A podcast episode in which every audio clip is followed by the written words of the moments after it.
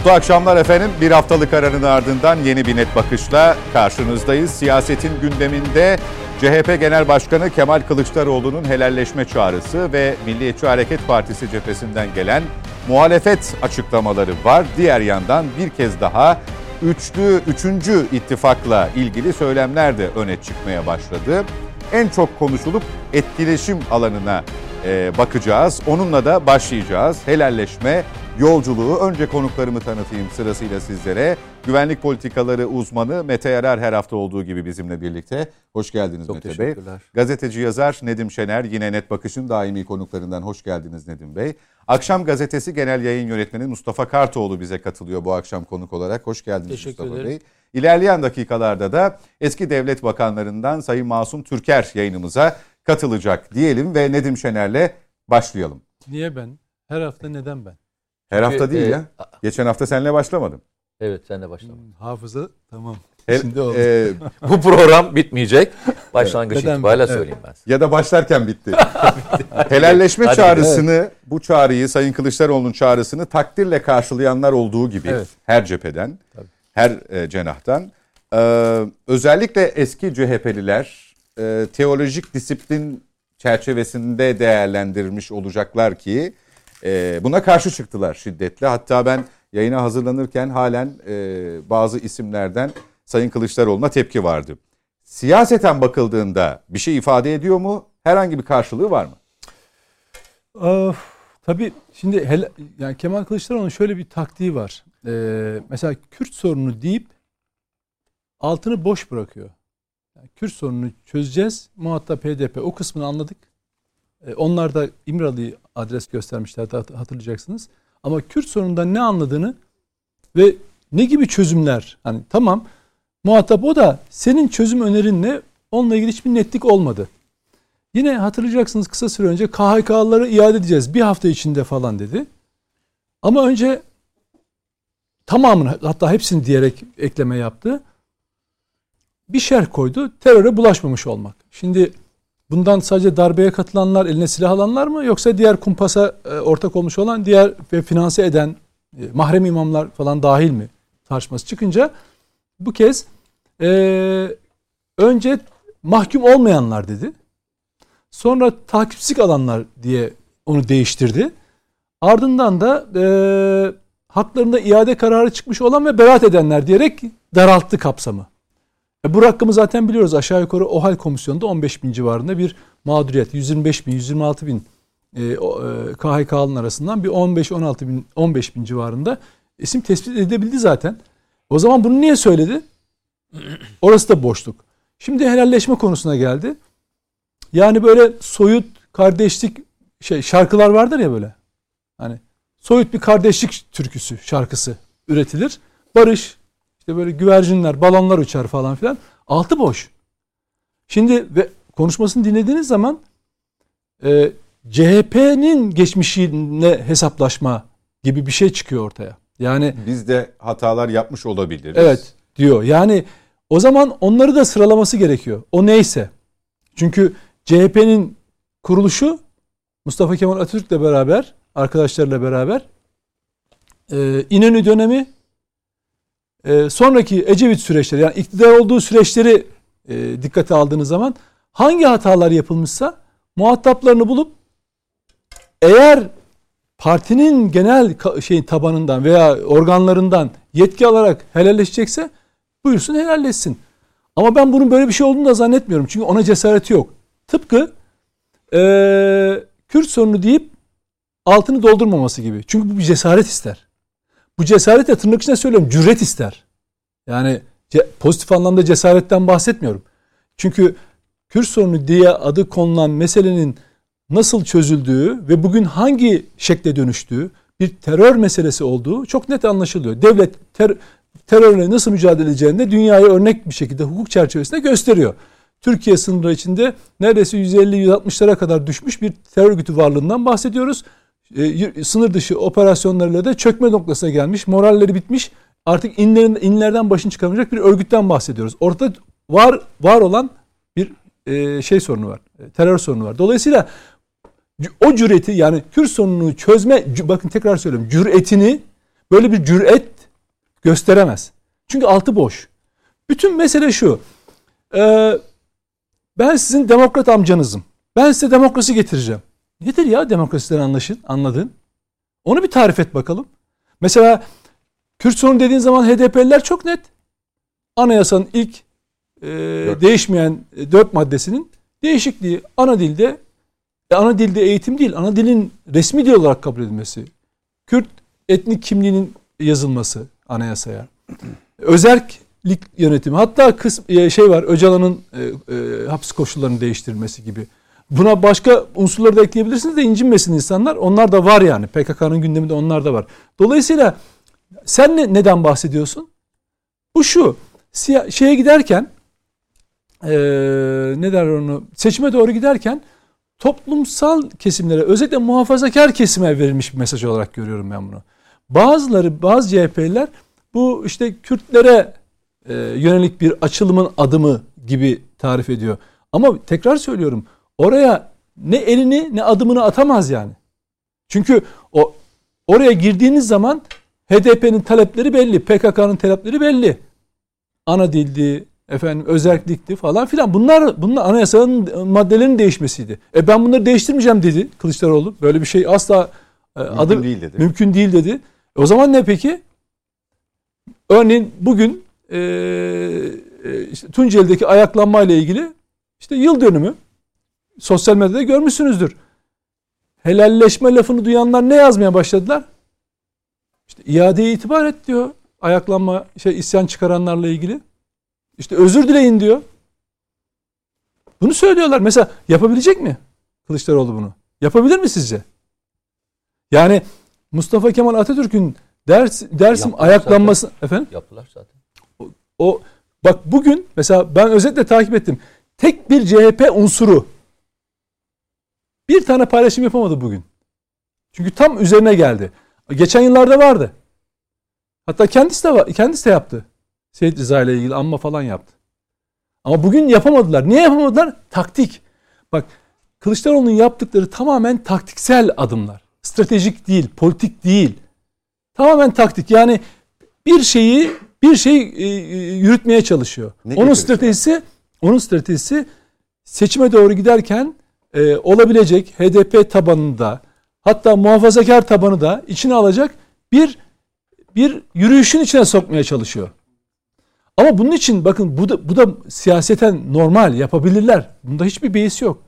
Ama sen partinin geçmişiyle hesaplaşmak, partinin geçmişini masaya yatırmak ya da ülkenin temel e, değerleri işte anayasanın ilk dört maddesi Kürt sorunu dediğin zaman veya FETÖ'cüleri hani FETÖ'cüleri amiyane tabirle şapkayı havaya fırlattıracak kadar sevindiren KHK'ların iadesi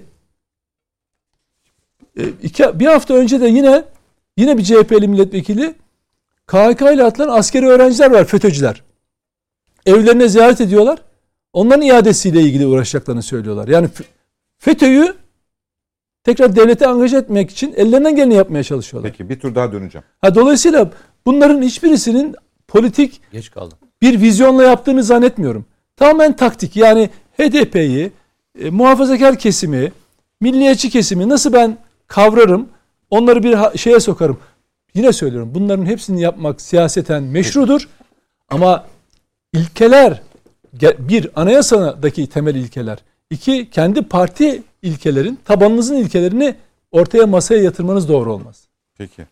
Ee, Sayın Kartoğlu e, biraz e, değindi Nedim Bey ama CHP'nin de e, geçmişinde hatalarının olduğunu söylemesi Sayın Kılıçdaroğlu'nun e, bir yüzleşmeye hazır olduğu anlamına mı geliyor diye soracaktım. Taktiksel bir ilerleme yapıyor dedi Nedim Şener.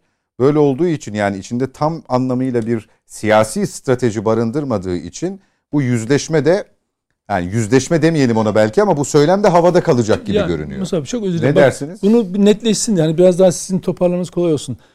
Bu üzerine düşünülmüş bir çerçeveye bağlanmış e, politika olsa, bir strateji olsa bunu bütün parti örgütleri, milletvekilleri bilir. Açıyorsunuz telefonda soruyorsunuz bu neyi kastediyor? Valla ben de bilmiyorum diyorlar. Hı. Yani o yüzden tek kişinin ve çok dar bir grubun bir politik taktik e, adımı olarak görüyorum. O anlamda söyledim. Peki Mustafa Bey buyurun. Şimdi tabii o da biraz e, açılması lazım ki arkasından e, bir takım e, tespitlerin gelmesi lazım ki dediğiniz gibi biraz ete kemiğe bürünsün. Yani e, neden dolayı helalleşeceğiz? Kimden helalleşeceğiz? Sorusunun cevabı verilmedikçe bu hakikaten taktik daha öncekiler gibi işte Kürt sorunu ifadesi e, gibi bir e, ortaya bir top atmaktan öte bir anlam taşımaz. Şimdiye kadar gördüğümüzde o helalleşmenin, o hataların olduğu, kime karşı yapıldığı, bundan dolayı kimden özür dileneceği, Nasıl ya nasıl dileneceği, bunlara dair herhangi bir şey yok. Bunların hepsinin birden olmasını da doğrusu çok beklemem ama nedir sorusunun cevabını, ne için helalleşilecek sorusunun cevabını beklemek hakkımız ama böyle bir cevap yok. Tıpkı Kürt sorununun Nedim'in işaret ettiği gibi denildiğinde sorunun ne olduğunun tarif edilmemesi gibi. Şimdi e, yani görünmez ittifak ortağı bunu tarif ediyor. Diyor ki e, bir e, ana dilde eğitim yapılmıyorsa e, ne bileyim işte anayasada e, iki dillilik ve işte bölgesel özellik falan yoksa bu Kürt sorunu çözülmüş demek çözülmemiş demektir diyor. Bu çözümden bahsedemeyiz artık diyor. O bir kendine göre bir ölçü koyuyor. Şimdi bu ölçüyü aynen kabul ediyor mu e, Cumhuriyet Halk Partisi bunu bilmiyoruz. Ama aynı başlıkları verdiği zaman bu soru Cumhuriyet Halk Partisi'ne gidiyor ama soru cevabını bulmuyor. Burada da şimdi bakıyorum e, Cumhuriyet Halk Partisi'nin çeşitli bileşenleri e, bir takım noktalardan tutuyorlar. Diyorlar ki mesela e, Dersim olaylarıyla ya da katliamlarıyla ilgili e, bir yüzleşme olacak mı?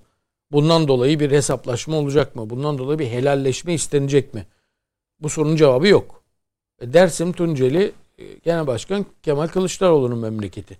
Hani bir biçimde oradan başlamasını beklersiniz. Nasıl tanımlıyorsunuz bunu diye.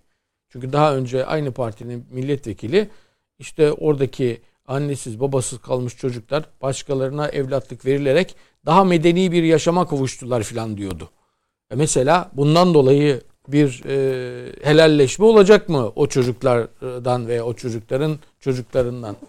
Şimdi e, dolayısıyla buradan başlıyor. Öbür taraftan peki bütün bunların gündeme getirilmesi Cumhuriyet Halk Partisi'nin ilkeleriyle de bir hesaplaşmayı e, beraberinde getirecek mi getirmeyecek mi? Neyi kastediyorsunuz bundan? Bu sorular sorulmaya başlandı parti içinde. E, o yüzden e, öbür taraftan Cumhuriyet Halk Partisi'ni derken neyi kastediyoruz? Bir parti sorumluluğunda olan, ülkenin parti sorumluluğunda olduğu tek parti dönemi, 1950'ye kadar olan dönemin işte muhtelif başbakanlarla giden ama e, merhum Atatürk'ün de hayatta olduğu dönemleri ve o dönemlerde yaşananları kapsıyor mu? Kapsıyorsa hangi neler bu konuyla ilgili, o dönemle ilgili hangi konular dersin meselesi başta olmak üzere gündeme getirilmek isteniyor, tartışılacak. Yoksa sonradan e, yine e, şeyden sonra e, 1960'tan darbeden sonra e, 27 Mayıs darbesinden sonra yeni onu devam eden İnönü hükümetleri döneminde yapılan şeylerden dolayı mı? Eğer öyleyse neler?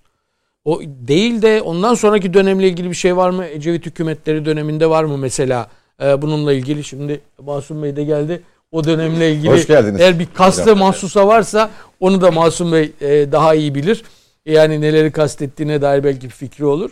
E, veyahut darbe dönemlerindeki Cumhuriyet Halk Partisi'nin e, yani kurumsal olarak da arkasında durduğu, desteklediği ve sonrasından iktidarı aldığı e, dönemler onları da üstleniyor mu? Onlar onlar da dahil mi bunun, bu süreçlerin içerisinde? Bir sürü şey yaşandı çünkü memlekette. Şimdi bir görüşte e, memlekette 28 Şubat süreci yaşanırken muhafazakarlara karşı yapılan politikalardan dolayı mı diye sorgulamaya başlıyor. E bakıyorsunuz işte bir CHP, SHP düzeltiyorum e, DYP, SHP e, koalisyonunun dışında iktidar yok. Ama bir gölge iktidar olarak kendisini görüp o dönemde yaşanan yahut o dönemde partisinin söylemlerinden dolayı mı bir e, helallik istiyor? Çünkü orası çok pra- pragmatik bir alan. Muhafazakarlardan oy devşirme alanı çünkü orası. Böyle de bir yorum yapılıyor. O da ayrı bir hmm, tuhaflık aslına bakarsanız. Hani bu taraf daha öncekilerle yani sorumluluk sahibi olduğu Cumhuriyet Halk Partisi'nin dönemle e, bir e, yüzleşme olmadan ya da helalleşmeyi düşünmeden böyle bir dönemle helalleşmek o da ayrı bir garabet. E, dolayısıyla her şey konuşuluyor. Herkes konuşuyor. Kemal Kılıçdaroğlu ve parti yöneticileri hariç. e, belki de maksat biraz bu.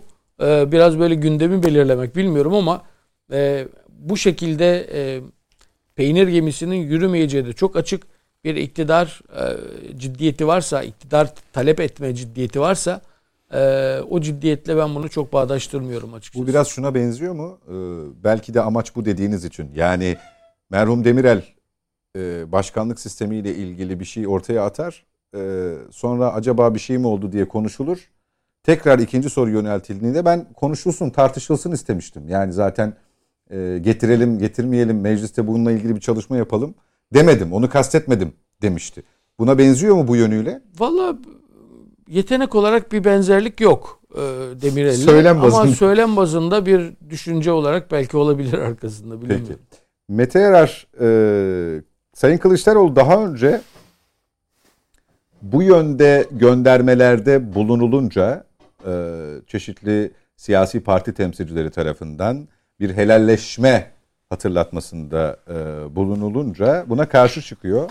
Helallik isteyerek bu işler olmaz e, diyordu. Televizyon programlarından alıntılar da bugün sosyal medyada paylaşıldı zannediyorum. Neden kendisi aynı noktaya geldi? Ya şöyle söyleyeyim. E, demin ilk sorduğun e, soruyla e, gidelim. Valla yani sonuçta inanırsınız, inanmazsınız, doğrudur, yanlıştır. Onu bilemem ama şuradan başlamayı tercih ediyorum. Eğer bir strateji ise gündemi belirliyorlar. Yani ben neredeyse son 3 aydan beri Sayın Kılıçdaroğlu'nu konuşuyorum. Kanun hükmünde kararnameler, işte e, ziyaretler, HDP. HDP ile ilgili e, söylemleri, Selahattin Demirtaş'la ilgili söylemleri, arkasından e, adres e, adres gösterdiği e, yerler, ondan sonra e, büyükelçilerle ilgili söylemleri, sonra büyükelçi mektubu, e, neredeyse ben 3 aydan beri şey konuşuyorum, Sayın Kılıçdaroğlu'nu konuşuyorum. Her televizyon programında ilk madde Sayın Kılıçdaroğlu. Eğer bir taktikse Doğru taktik. Ha bu oya mı devşirilir, devşirmez mi bilmem.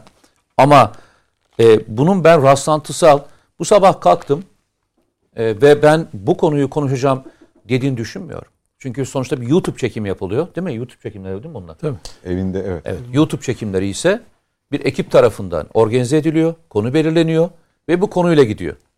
Ve arka arkasına dizilmiş bir silsilesi var bu silsilenin. Şimdi siz dediniz ki boş.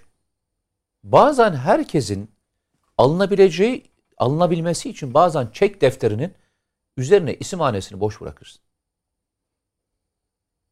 Tamam. Şimdi bugün gördüm. Helalleşmeden herkes e, kendisine uygun bir e, şeyi aldı, yeri aldı. Ha bizden özür dileyecekmiş. Yok o ondan dileyecekmiş. Yok biz affedilecekmişiz. Bundan da dileyecek mi? Acaba HDP'den de dilenecek mi? Odan da dileyecek. Bunun farkındaysan herkes çekin üzerinde doldurdu. Kendisiyle ilgili aldı, çekin üzerinde doldurdu. Bir taktikse çok doğru bir taktik. Dolayısıyla o açıdan bakıldığında maksat hasıl oldu diyor. Maksat hasıl. Yani şimdi Kürt sorunu mevzusu açıldığında nasıl maksat hasıl olduysa, nasıl e, kanun hükmünde kararnamelerle ilgili konu açıldığında maksat hasıl olduysa şimdi de oldu. Hiç bence boş bir e, mevzu değil. E, yani şöyle bir ortam e, hayal ediyorsanız yanlış bir ortamda gidiyoruz. Hani yolda yürürken işte şey ziyaretçiler yapıyorlar ya böyle esnaf ziyaretleri falan. Orada bir soru soruldu cevap verildi falan değil bu. Bir evrak var yani bir şey var yazılmış olan bir matbu var ve bunun üzerine bir konuşma silsilesi var. Bu konuşma silsilesi üzerine gidiliyor. Yine hatırlarsanız bu konuşmalardan bir tanesi 18 Mart'la ilgili. 18 yok 18 Ekim'le ilgiliydi.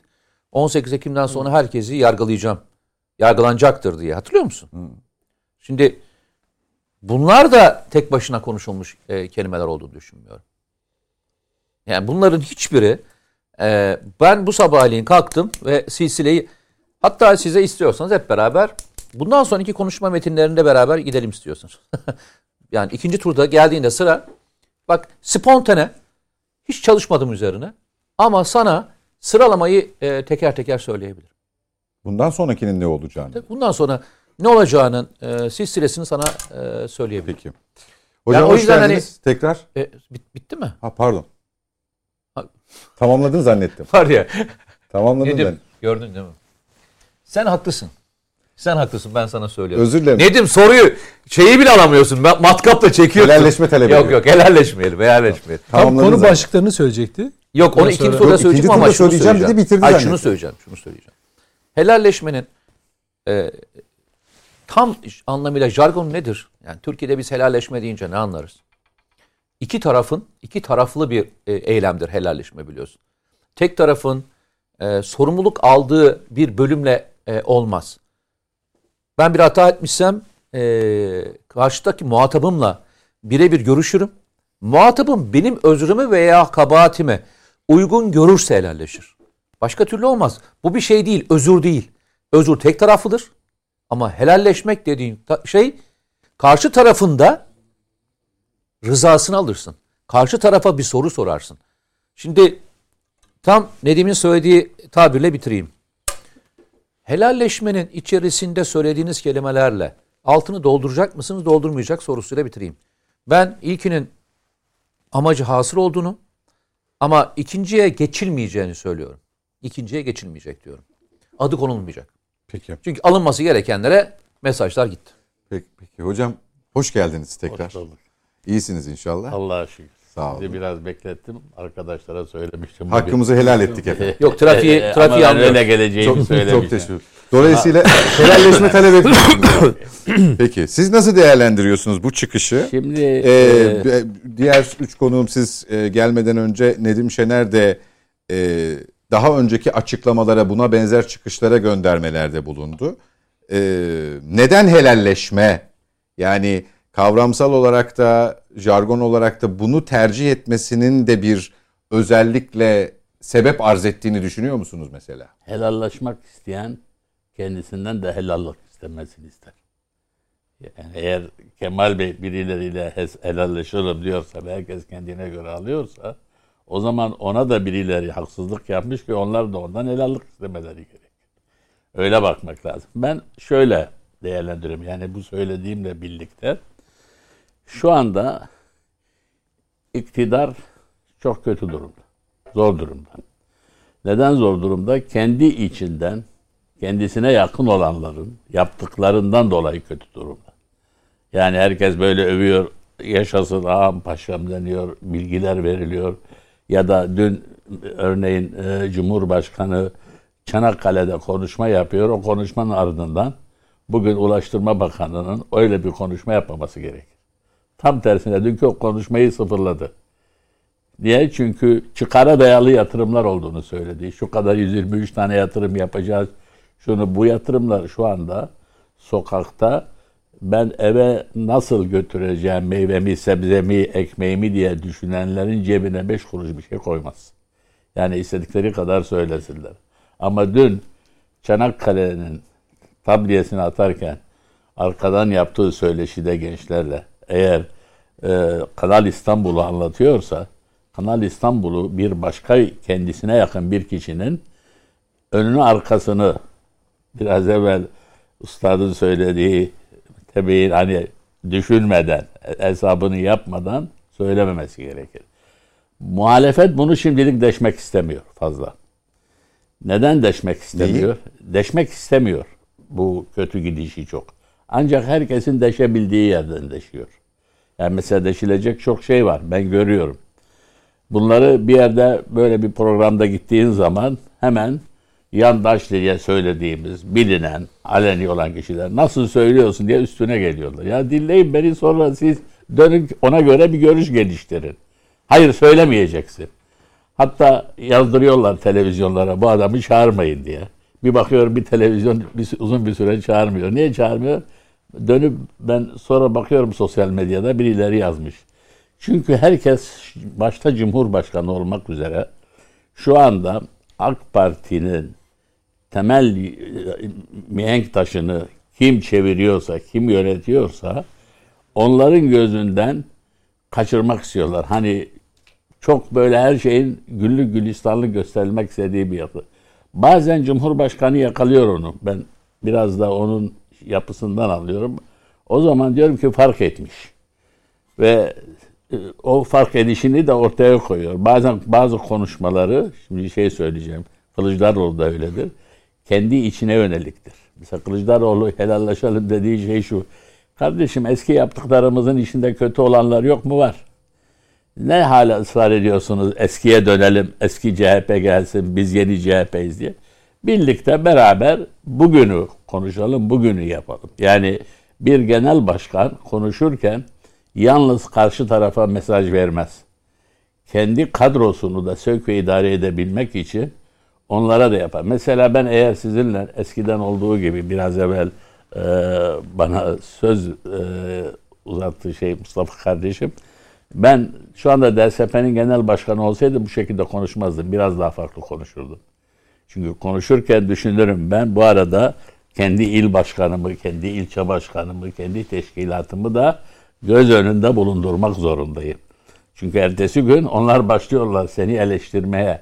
Över gibi yaparlar, eleştirirler. Eleştirir gibi yaparlar, gerçekten eleştirirler. Yani bu, bu işleri e, siyasette temel yapısı bu. Ama bir gerçek var. Muhalefetin anlatmak istediği her şeyi kimi açık eleştiridir, kimi üstü örtülüdür. Çünkü şu saatte yavaş yavaş topal ördek yürümeye başlamıştır. Yani iktidara yakın olan bazı bürokratların ki ben son bir iki tanesinde şahit oldum. İlgili bakan görüşmemi istedi o bürokratlarla düzeltin dedi. Önemli bir konu. İllerde Cumhurbaşkanı'nın başını belaya sokacak bir konu. Bir kelimesini bile değiştirmediler.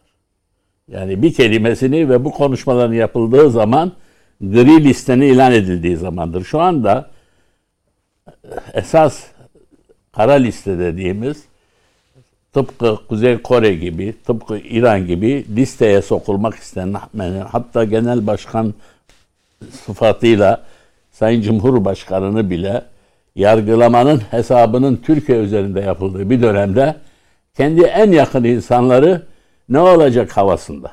Şimdi ben bunu... Muhalefet bir kara liste mi hazırlıyor? Hayır muhalefet değil. Kim hazırlıyor? OECD hazırlıyor. Yani biz eğer Türkiye gözümüzü kapalı tutarsak bakın ne dedim Kuzey Kore ve İran gibi gri liste yapıldı. Kara, e, kara e, Ha, para yani e, ben terörle bir- bir- başka bir görevim dolayısıyla o toplantıya katıldım. Yapılanları görünce ilgili dönemin MASAK başkanına söyledim. Kadroyu değiştirdi. Bir hafta sonra görevden alındı. Uçakta yanıma oturdu Berat Bey. Bak ya böyle böyle oldu. Ben uyardım. Adam güzel iş yaptı. Sizi korumak için tedbir aldı dedim. Bir hafta sonra Berat Bey'in de ömrü vefa etmedi. O da görevden gitti. Yani bazı şeyler şu anda iktidar yerinde oturup aslında iktidarın aleyhinde iş yaptıklarını, iktidarın aleyhinde bir yol açtıklarını bilir. Bunu şimdi muhalefet öğrenirken ne yapar? Ben de şimdi düşünüyorum zamanımızı. Gördüğün zaman gidişatı şey başka yerlerden işaret verirsin. Bunun en önemli işaretini aslında Sayın Kılıçdaroğlu çok güzel verdi. Kimse fark etmedi. Hep başka şey yaptılar. Cumhurbaşkanı bile başka şekilde eleştirdi. Ne dedi? Kamu görevlilerine dikkat edin dedi. Aslında kamu görevlileri topal ördeği yürütmeye başlamışlar. Yani topal ördek demek sizin Bir söylediğiniz... dakika bu daha önceki açıklamasını mı kastediyorsun? Tabii. o- Onunla onunla ilk ben onu gördüğüm zaman ya dedim e, Bu kadar bu kadar naif söylemedi ya. Dikkat edin falan diye. hayır hayır o öyle der. Çünkü Ben yap- topal örneği o- yürütmeye başladı dedim şunu mu söylemeye çalıştınız? Bu anlaşılması. Yani- ben anlayamadım. Ben- yani söyleyeyim. sistem tıkanmıştı. Bazı bürokratlar Hayır, sorunu hayır. çözmeye başladılar mı anlamında söylüyorsun? çalışmıyorlar. Topal ördek yürümeye başlamış demek şudur. Normal ördek yürür. Anladım. Siyasette topal ördek artık yetki azalmıştırdır. Anladım. Siz istediğiniz kadar ya- etkili davranın, şöyle yapın, böyle yapın. Yani şu anda bu son söylediğiyle dediğiniz gibi gündemi değiştirdi. Şu anda üzerine düşünülecek şey kardeşim ithalat az, ihracat artıyor, dolar yükseliyor. Biri çıkıyor diyor ki biz doları ihracat artsın. Acaba hayali ihracat mı var diye kimse sorgulayamıyor. Muhalefet de bunu sorgulamak bugün hesabına gelmiyor. Bakın yani bazı şeyleri çok iyi görmek lazım. Ben e, bütün yapılanları geçmişte bu işi çok güzel yapardı Uğur Dündar'la Nedim kardeşim. hep konuşulanların perde arkasını yani şeyini ekonomik olarak analiz Satır eder. arasını. Tabii ve arkadan yok satır arasını değil perde arkasını. Yani bizim göremediğimiz o arada çok güzel anlatırdı. Zaten onun için başı belaya girdi ya. Sen misin bunları anlatan, televizyonlarda söyleyen? E, çünkü kimsenin bilmemesi gereken şeyleri anlatıyordu. Burada da şu anda bu anlatıldığı zaman o kişilerin hesabına gelmiyor. Na- tamam efendim ben şahitim ya son yani bu işi yaparsanız Türkiye zarara girecek. İlk Cumhurbaşkanı zarara girecek dediğimiz adamlar bildiklerini okudular. Bakan ilgilenin dediği halde. Şimdi bu Türkiye şu anda bu noktada. Ve bu noktadayken dolar bakın 10 lirayı geçti. Size gelirken bir iş adamı aradı beni Maraş'tan. Ne yapacağız diye bana soruyor. Anlattım anlattım bir kısmını. Seninle yarın devam ederiz dedim. Niye? Çünkü şu anda dolar olmaması gereken seviyede. Şu anda doların 8 lirayı geçmemesi lazım. Ve bu 8 liradan sonra çıkış CHP'nin o 128 milyar sorusuna doğru yanıt verilmemesidir. Kim yanıt vermiyorsa şu anda Cumhurbaşkanı onu sorgulaması lazım. Aslında verilmeyecek bir şey yok o yanıtta. Peki. Ama o yanıt üzeri kapatıldıkça ya şimdi onun için Kemal Kılıçdaroğlu'nun biz helallaşalımı şöyle algılayalım. Yani bize herkes iftira atabilir. Geçmişte e, hele bu lafların söylenme tarihiyle ki videodur. Bazı video çekimleri demek hazır var. Hangi güne denk geliyor? Sayın Temel Karamollaoğlu'yla Cumhurbaşkanlığı bir araya geldikleri güne değil mi? Siz daha yakınsınız. Evet, o evet. gün ne diyor Temel Karamollalı? Ben bunu bizim evde söylüyordum eskiden. Bakın günü gelince Atatürk'ü en iyi savunan, onu anma gününde en iyi anma- anacak olan AK Partililerdir demişti. Çünkü devlete sahip olduktan sonra herkes esas kurucusuna sahip çıkar ki kendi varlığı da devam eder. Bu lafların söylendiği, Temel Karamoğlu'nun söylendiği güne denk geldi. Bunlar tesadüf değil. Yani böyle belki ben şimdi söylerken ya komplot mu yapıyorsun falan değil. Ben eğer siyasetçi olsaydım, şu anda fiilen yapan siyaset yapsaydım, algılayacağım şekli, stratejik olarak bakış açısını çok önemli bir şey söylüyor. Bakın başka bir şey var Kemal Bey'i böyle e, coşturan. Mesela Kemal Bey uzun süredir CHP'de kadın kolları bu kadar etkin ve aktif. Kadınların çok aktif olduğu bu Nazlı Akahan'ın bir süre bir ara işte e, partinin yönetimlerden uzaklaş çok aktif. Partide bir cumhurbaşkanı arayışı olurken herkes belediye başkanlığına gidiyor. Ya bir şey de var. Akif Hamza Çebi var. Toparlayalım İlhan hocam. Kesici bir var. tur- bir tur Kimse daha bakmıyor. devam edeceğim Tabii, çünkü. Bakmıyor. Şimdi bütün bunları şey Kemal Bey'in bir özelliği var. Diplomaside demeyeyim de bürokraside daha iyi olur. Bürokraside bu tür dengelerin kuruluşunu üst düzeyde çok iyi yaşamış. Çok iyi beraber getirmiş. Mesela Ne zaman yaşamış bunu? yaşadı. Genel müdür muaviniydi. Daire başkanıydı. Maliye Bakanlığı. Sonra Bağkur Genel Müdür oldu. Arkadan SSK Genel Müdür oldu. SSK için Cumhurbaşkanı tenkit ederken herkes biliyor ki SSK'daki o söylenen şeyin sorumlusu kimdi? Rahmetli Demirel'di. Demirel dedi geleceğim. SSK'da şu şu şu işleri yapacağım dedi. Geldi ve nitekim erken emekliliği işte şeydeki emeklilik işlerini getirdi. SSK'nın çöküş şeyi öyle başladı. Peki. Yani ben bunu şunun için söylüyorum yanlış anlamayın. Ben oturup da Kemal Bey'in taraf olarak e, şey açısından değil. Ben Yo, öyle de siz- ben söyleyebilirsiniz, hayır hayır ben problem de yok. sizin gibi sizin gibi Toplayalım. izleyerek bakıyorum ama söylediklerinin bir bölümünü. Bunu fazla içine girmek istemiyorum çünkü çok da dostlarımız, arkadaşlarımız var orada. Kendi içinde uzun süredir onu sen CHP'yi değiştirdin diye eleştirenlere de bırakın bunları gelin beraber bu işi götürelim iktidar Peki. zamanıdır. Yani biraz da kendi tarafına da mesaj veriyor. Ee, ne dersiniz Nedim Şener? Ee, Mete Yarar ve hocam bir gündem oluşturma çabası ve bunda da bir muvaffakiyete ulaşıldığı görüşünde, düşüncesinde. Mesela bugün bir eski CHP'li vekil bu helalleşme kısmı ben girişte sordum ya hani siyasette helalleşme olmaz diye karşı çıkmış tepkisini dile getirmiş. Aynı şekilde Ümit Kocasakal CHP'yi Kılıçdaroğlu'nun işgalinden kurtarın demiş.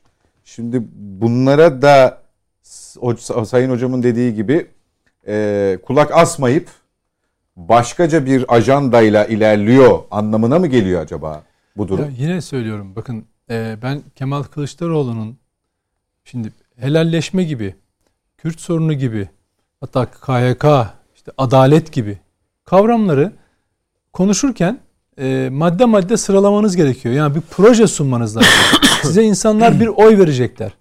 Bir genel vaat açısından değil. Yani genel yani şöyle ben size demokrasi getireceğim. Peki ne getireceksin yani? Altında ne var bunun? Ya Kürt sorununu çözeceğim. Nasıl çözeceksin ve sorun dediğin şey nedir? Burada olduğu gibi helalleşme. Şimdi izlemek lazım. Kiminle ve nasıl başlayacak helalleşme? O zaman e, Sayın Bakan'ın da söylediği gibi bizlerin de e, anlatmaya çalıştığı gibi ha şunu kastediyormuş diyeceğiz. Yani işte sosyal medyada hemen HDP'ye yakın gruplar, kişiler, isimler e, Dersim'deki ayaklanma nedeniyle işte efendim orada asılan isyancılarla ilgili efendim özür dileyecek mi ya da af dileyecek mi? Oraya getiriyor. Çünkü niye? Mustafa Kemal Atatürk zamanında olmuş bir olaydan bahsediyoruz. İsyana karşı devletin bir refleksi değil mi? Buna e, peki o, o ne olacak? Muhafazakar kesimden hangi bağlamda özür dileyecek mesela? Mesela işte ezanın Türkçeleştirilmesi mesela veya şikayet edilen başka konular. Onu bazı kesimlerin talepleri mesela şeye kadar gelmez mi? E, harf inkılabına kadar gelmez mi? Çünkü memlekette sağduyu ya helalleşmeden kastettiğiniz zaman e, deminden Mete'nin söylediği gibi aslında beni kastetti, beni kastetti diye herkes parmak kaldırmaya başladı. Ya Mustafa Kartal da sıraladı ya. Ha, evet ya herkes beni, beni kastediyor. O zaman şunu da yap, bunu da yap demeye başladı. O yüzden Kılıçdaroğlu'nun bakın Mete diyor ki kamuoyu yok. Mete'ye katılabileceğim gibi. yer Vay be, gündem belirleme çabası, gün, güzel gündem gündem belirleme çabası önemli ama altı boş olunca hiçbir anlamı yok. Ama asıl gerçekten doğru bir mesaj. Belirleyebildikten sonra altının dolu olması çok mu önemli? E tabi insanların doğru soruyu sormasıyla bu ancak mümkün olur. Bak ben baştan itibaren tamam Kürt sorunu dedin. Nedim sen bir şey söylüyorsun. Geçen gün hatırlıyor musun konuşurken de. Bir şey söylüyor dedin. Daha o tartışılmaya fırsat vermeden ikinci şeyi evet. söylüyor. Demek ki zaten doldurmak gibi bir niyet yok ki. Şimdi sen işte hani bu, aslında evet. sen benim söylediğime geliyorsun. Onu işte, yani o kadar seri söylüyor ki hayır, daha ilkini yani iki, ilkini tartışamıyoruz ve tartışma tabii, gereği. Yani o yüzden söylüyorum bu bir kend, e, şey silsile. Yani bir parti bakın bir parti Mahsun Bey'in söylediği gibi e, kendi tabanına verilen mesaj çerçevesinde mesela Kürt sorunu derken çöz, çözüm e, lafını ortaya atarken önerisini değil çözüm kelimesini ifadesini ortaya atarken parti tabanında bu hiç tartışılmadı. Mesela helalleşme diğer bütün kesimler tarafından muhafazakarlar, HDP'ye yakın gruplar, başkaları başkaları tartışıyor. Ama farkındaysanız parti hiçbir şekilde tartışmıyor. Dışarıya hiçbir şey söylemiyorlar. Grup sözcüleri böyle bir iki çıt işte Faik Bey bir iki onu kastetti bunu kastetti bir toparlama yapmaya çalışıyor. Çünkü elde bir proje yok. Bakın hep söylüyorum. Projesiz. Ama projeyi bir... açık etmez. Hocam bak Masum Bey çok rica ediyorum. Aptal değiliz. Bak en üzüldüğüm şey şu. Ben, beni aptal yerine koyamaz kimse. Ben de milleti aptal yerine koydurtmam. Şundan. Böyle açık etmez değil. Olsa öyle bir açık eder ki. Mesela KHK'ları bir haftada iade edeceğim dedi. Niye açık etti? Mesela deseydi ki adalet sorunu çözeceğim bu ülkede darbe sonrası falan 20 Temmuz darbesinden sonraki adaleti çözeceğim dese açık ha açık etmedi tamam doğru. Ya adamlar bak Amerika'nın uşağı Fethullahçı terör örgütünün tüm unsurlarını tekrar devlete sokmak hani AKP diyoruz ya AKP büyüttü büyüttü büyüttü AKP sonra bunları attı dışarı değil mi? Ne diyor Kılıçdaroğlu? Şimdi alacağız diyor. Hepsini diyor iade edeceğiz diyor. Yetmedi. Daha bir yıllık ya da o yıl Fethullahçı terör örgütü askeri okullara %99.5 oranında 2013'ten beri öğrenci sokmuştur. 3-5 öğrenci araya kay, kayna, kaynıyordu ya son yıllarda son yıllar yani 2013-16 arasını söylüyor kastediyorum. Onları da disiplin cezalarıyla gönderdiler. Hani üst düzey torpille veya işte bir şeyle gelmiş olsun. Geçen gün Eskişehir milletvekili gitmiş Eskişehir'de FETÖ'cü olduğunu ben biliyorum yakında yazacağım. Herkes öğrenecek kimle kim yan yana düşüyor fotoğraflarda. Onu bile projelendirmişler. 16 bin askeri öğrenci geri alacağız diyor. Ya bu adamların giriş yılları belli. 2013'ten sonra tek bir Allah'ın kulu dışarıdan vatansever içeri sokulmadı askeri okullarda. Komuta heyetinin gözü önünde oldu bunlar. Al size projelendirmiş. Bilinmesi, bilinmemesini isteyebilir mi? Şimdi Kürt sorunun lafını ortaya koyacaksınız. Ama çözüm bilinsin istemiyor. Şey gibi bu. Ee, Kılıçdaroğlu diyor ki bana bir dört yıl verin bir önceki seçimlerde. Bana bir dört yıl verin terör sorununu çözeceğim diyordu. Ya ben eğer mesela Kılıçdaroğlu olsam veya bir parti lideri olsam e, seçimi kazanır kazanmaz da bu sorunu dört yıl içinde çözeceğime dair bir formül varsa ben bir yurtsever olarak bunu alırım. O gün iktidar kimse benim olmam şart değil. Götürürüm. Böyle çözersiniz derim. Yok öyle bir projesi. Bak tür, tamamen bir şöyle AKP'nin yaptığı birçok hatalar toplumdaki hoşnutsuzluk anket firmaları çalışıyorlar ya toplumun en çok sıkıntı duyduğu alanlar hangileri? Onları topluyorlar. Çıkıyor Kılıçdaroğlu bunlara bir sözcülük yapıyor. Kürt sorunu diyor. Mesela anket firmaları yönlendiriyor şeyi. Ama önde bir örnek var. Mesela O- o- o- örnek şu. 2002 yılına giderken meşhur AK Parti'nin eylem planı vardı biliyorsun. tamam. O eylem planı neydi? Devlet Planlama Teşkilatı'nda 57. hükümetin hazırladığı o tarihteki e, sorunlar ve çözümleriydi. O sorunlar ve çözümleri kitapları eskiden milletvekillerine dağıtılırdı. Bir sene sonra bakın AK Parti döneminde hiçbir zaman üretilmedi başkasının eline geçmesin diye. Bakın ba- baktırın o eylem planı birebir. Yani Hocam- biz onları mecliste görüşmüştük. Görüştüğümüz şey Hocam sonuçta geldi. Bakın AK Parti kullandı AKP ama AK Parti geldiği, üretmiyor. geldiği gün AK bak, Parti üretse hocam- üretecekler. hocam, Karşılıklı üretmiyor. AKP AKP gelir gelmez o hali kaldırdı. Kim giderken Güneydoğu'da her O kimliklerimiz kalkmış. eskiyordu artık. Kalkma Bak, noktasındaydı. Olur mu? Oy kullananlardan biri ben. uzatmanın uzatmanın turları yapılıyordu. Yine yapılırdı. Bak, Yok, bak, yapılmayacak. mesela, bak konsept o zaman AKP'nin geliş koşulları farklı. Şunu Ben söylemeye çalışıyorum. girdim. Şunu söyle- söylemeye çalışıyorum. Yani yapıldı. Yok, Şimdi bence ben girin sorun yok. ben size siz CHP'ye e, il- ilgisi olan biz de görüşebildiğimiz insanlar var. Bana söyleyin. Kılıçdaroğlu Kürt sorununu çözeceğiz dediğinde siz ne anladınız ve çözüm maddeleri nelerdi? Söyler misiniz? Ben Kürt sorununu çözen ekibin içinde olduğum için o tarihte Güneydoğu'da toplayan bak ekibin üstad- içinde olduğum için Üstad, onların pardon, da bir şey pardon, yapmayacaklarını Kürt sorunu çözüldü mü? Şimdiki de bir şey Peki, yapmıyor. hocam- Şu anda yapılan biraz Masum Bey, yani Kürt sorunu çözüldü mü yani? cesaretle yapılmış Masum bir Bey, işti. sizin de olduğunuz o dönemde, katıldığınız o dönemde Kürt sorunu çözüldü yani değil mi? Evet. Peki Terör Kılıçdaroğlu ne diyor? Terör sıfır. Peki, sonra hayır, sonra sonra bakın Bak, biz onun bedelini hayır, ödedik. bak şunu Nasıl söyle- ödedik? bak Kılıçdaroğlu- Amerika'ya hayır dedik. Tamam. Gitmeyeceksiniz dedik. Amerika'nın Güneydoğu'ya gelmesi demek terörün Sayın Bakan, peki o demek. zaman Kılıçdaroğlu Kürt sorunu derken ne diyor? Boş konuşuyor hocam. Bak altı boş. O yüzden boş diyorum. KHK. Bak bir insan bak ben yazdım yardımcı olayım diye. Belki biraz sert yazmış olabilirim ama kaç defa yazı yazdım. Dedim ki o hal komisyonuna gidin kapısını çalın. Kardeşim bu 126 bin kişi ihraç edilmiş. Bunların içinden kaçı masum kaçı suçlu? Adamlar belirlemişler zaten 15 bin civarında. Kılıçdaroğlu ne yaptı önce?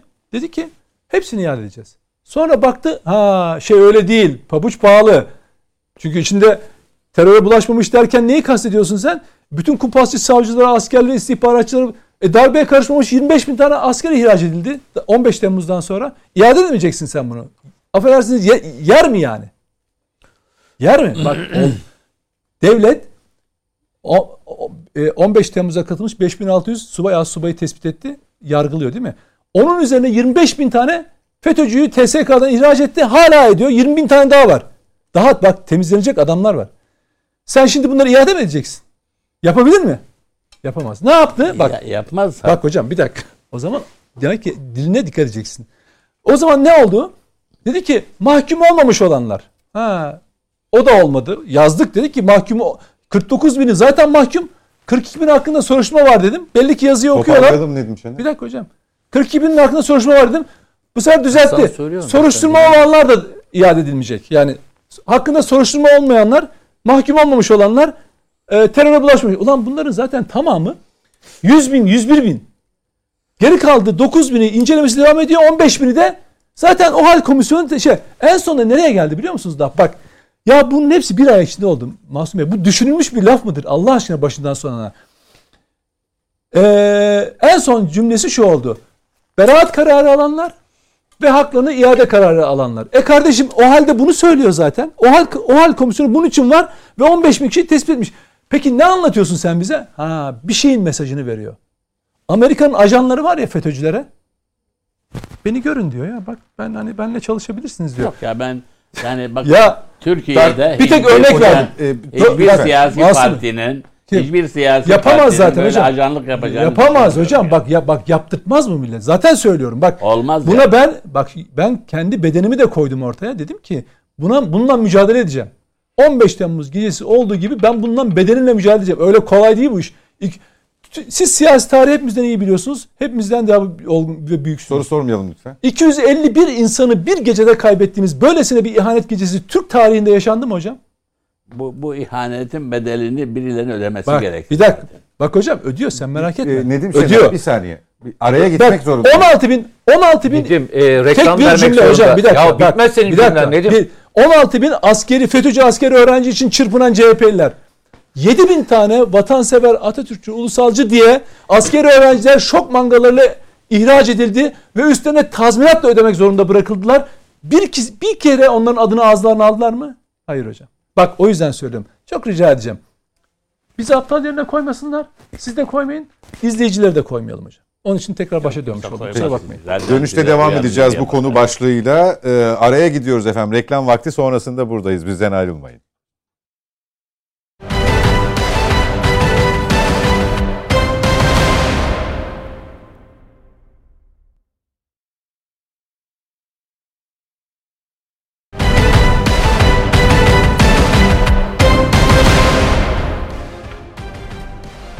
Devam ediyoruz efendim Net Bakış'a. Nedim Şener, Mete Yarar, Masum Türker ve Mustafa Kartoğlu'yla helalleşme çıkışını konuşuyorduk.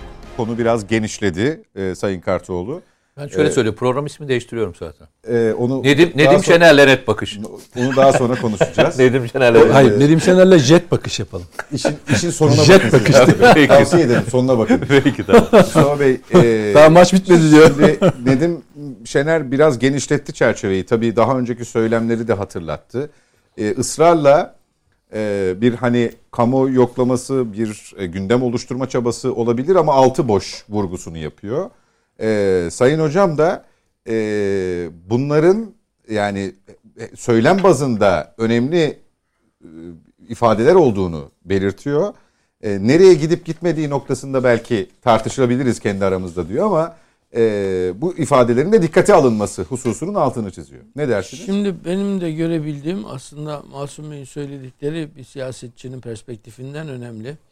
Ee, biz birbirimizin pek- perspektifini biraz daha anlayabiliyoruz. Ee, aa evet yani bu doğru bu önümde şurada oturuyor falan diyoruz da siyasetçinin perspektifi biraz daha farklı. Ee, birden fazla yere giden mesajdan bahsetti e, Masum Bey. Birincisi partinin içine, partinin bileşenlerine, kendi aralarındaki hesaplaşma ya ya da helalleşmeye çünkü çift taraflı olacak yani siz bana hakkınızı helal edeceksiniz. Yani ben size ben de size edeceğim. Neden dolayı? Bilmiyoruz biz bunu. Ama muhatapları biliyor. Şimdi bazı işaretler vardır. İşte mavi ışıkta mor ışıkta falan görünür.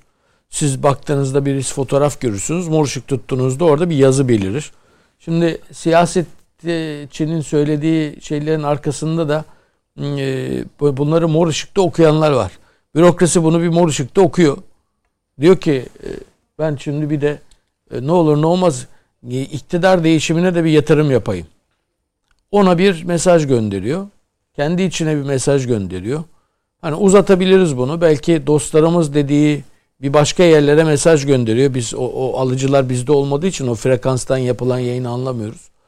Ee, bir taraftan belki Yine bu e, işte bir Cumhurbaşkanı potansiyel aday adaylığı listesi var. E, Büyükşehir Belediye Başkanlarının oluşturduğu ağırlıkla.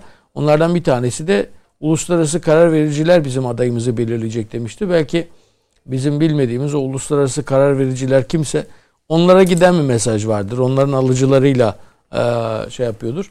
Biz şimdi kendi alıcılarımızın ayarıyla oynadıkça e, meseleyi e, şey yapıyoruz, karıştırıyoruz durum bazen. HDP'ye bir mesaj gidiyor kesin. HDP'nin e, sırtını dayadığı mekanizmalara da. Dışarıdan böyle bir talep, sufle gibi bir şey olabilir. Sufle geliyor mu gelmiyor mu bilmiyorum doğrusu. Ee, yani e, bu tip suflelerin alındığı yöntemler vardır. Onlar ayrı bir program konusu olur. Ee, yani bir takım düşünce kuruluşları adı altındaki örgütlenmelerin ne bileyim işte bir takım e, devlet başkanlarının sözlerinin çeşitli formlarda Türkiye'ye yansıdığı köşe yazılarından siyasetçilere kadar bir takım soru önergelerine kadar karşılık bulduğunu biliriz. O ayrı bir bahis ama burada e,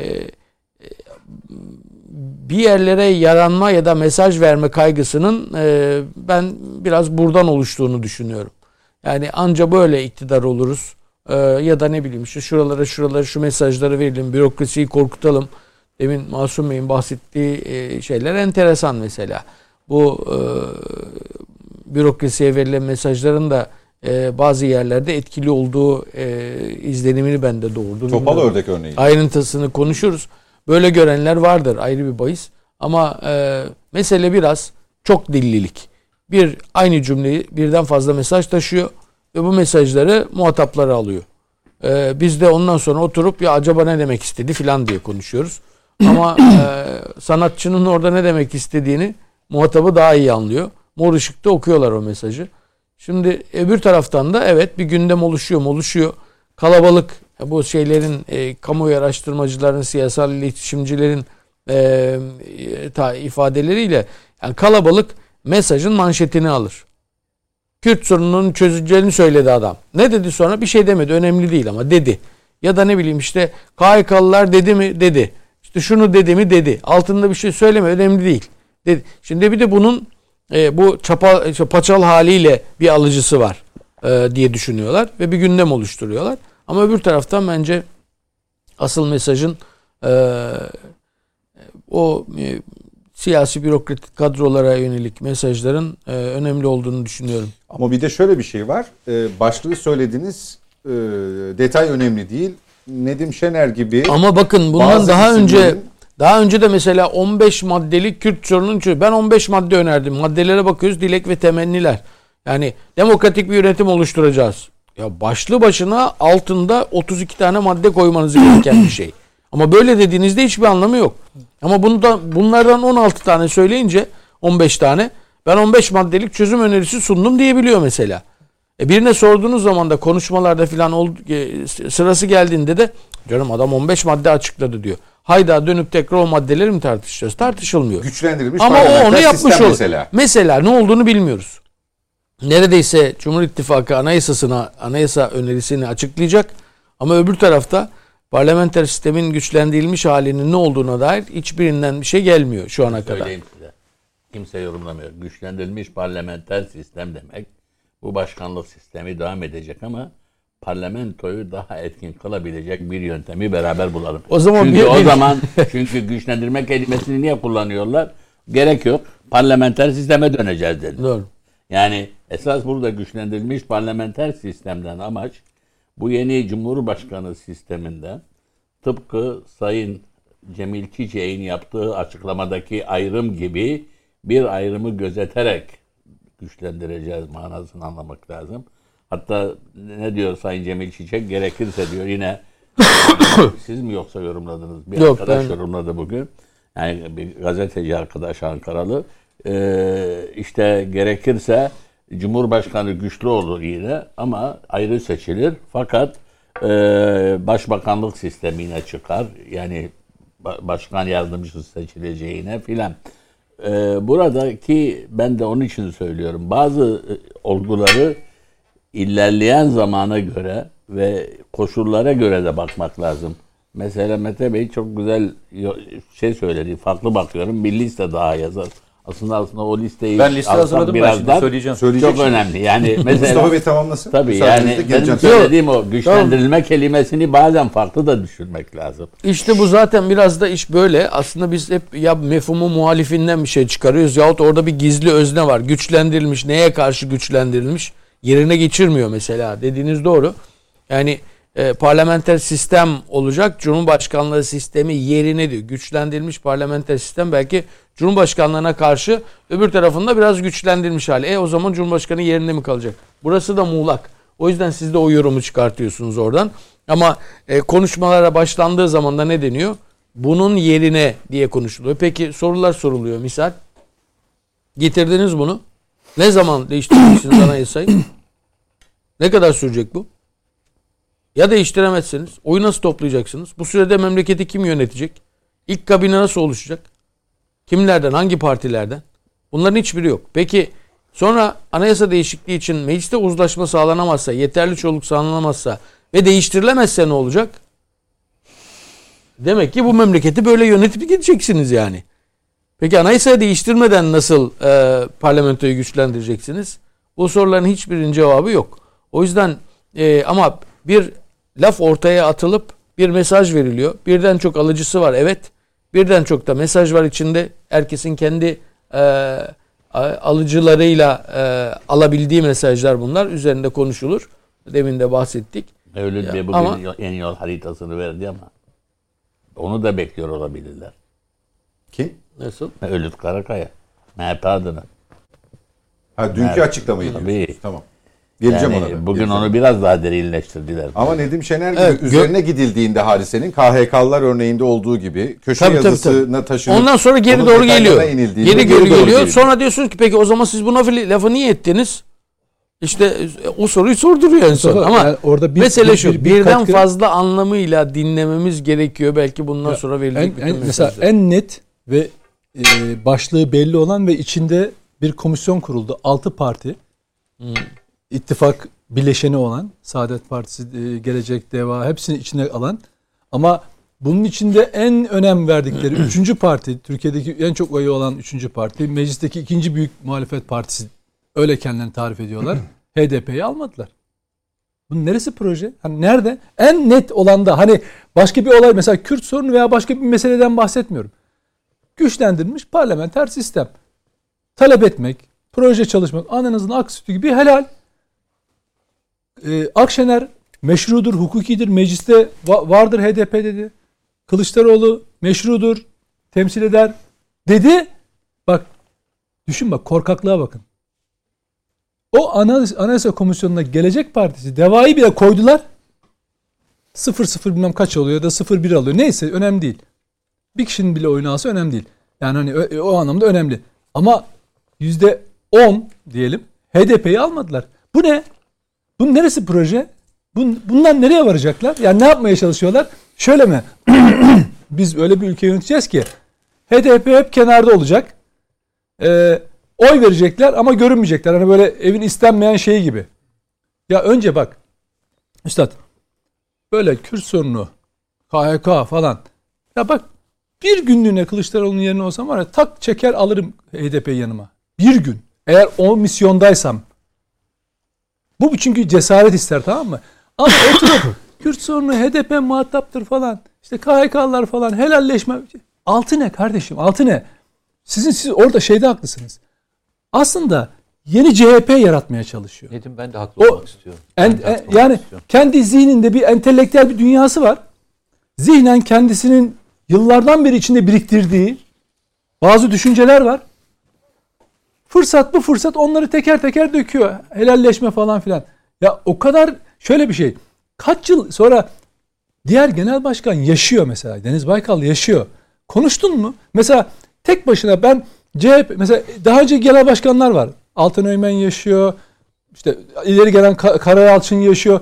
Ya da Hikmet Hikmet Çetin yaşıyor değil mi? Bakın, Bir dakika hocam. Onların Hayır, bir dakika, bir dakika, bir şey söyleyeyim. Konuşmaması Hocam, bizleri hayır, ilgilendirmez. Hayır, Bakın, olur, bak hocam tabii. ben bir partinin e, 100 yıllık geçmişini masaya yatıracağım. CHP'den bahsediyorum.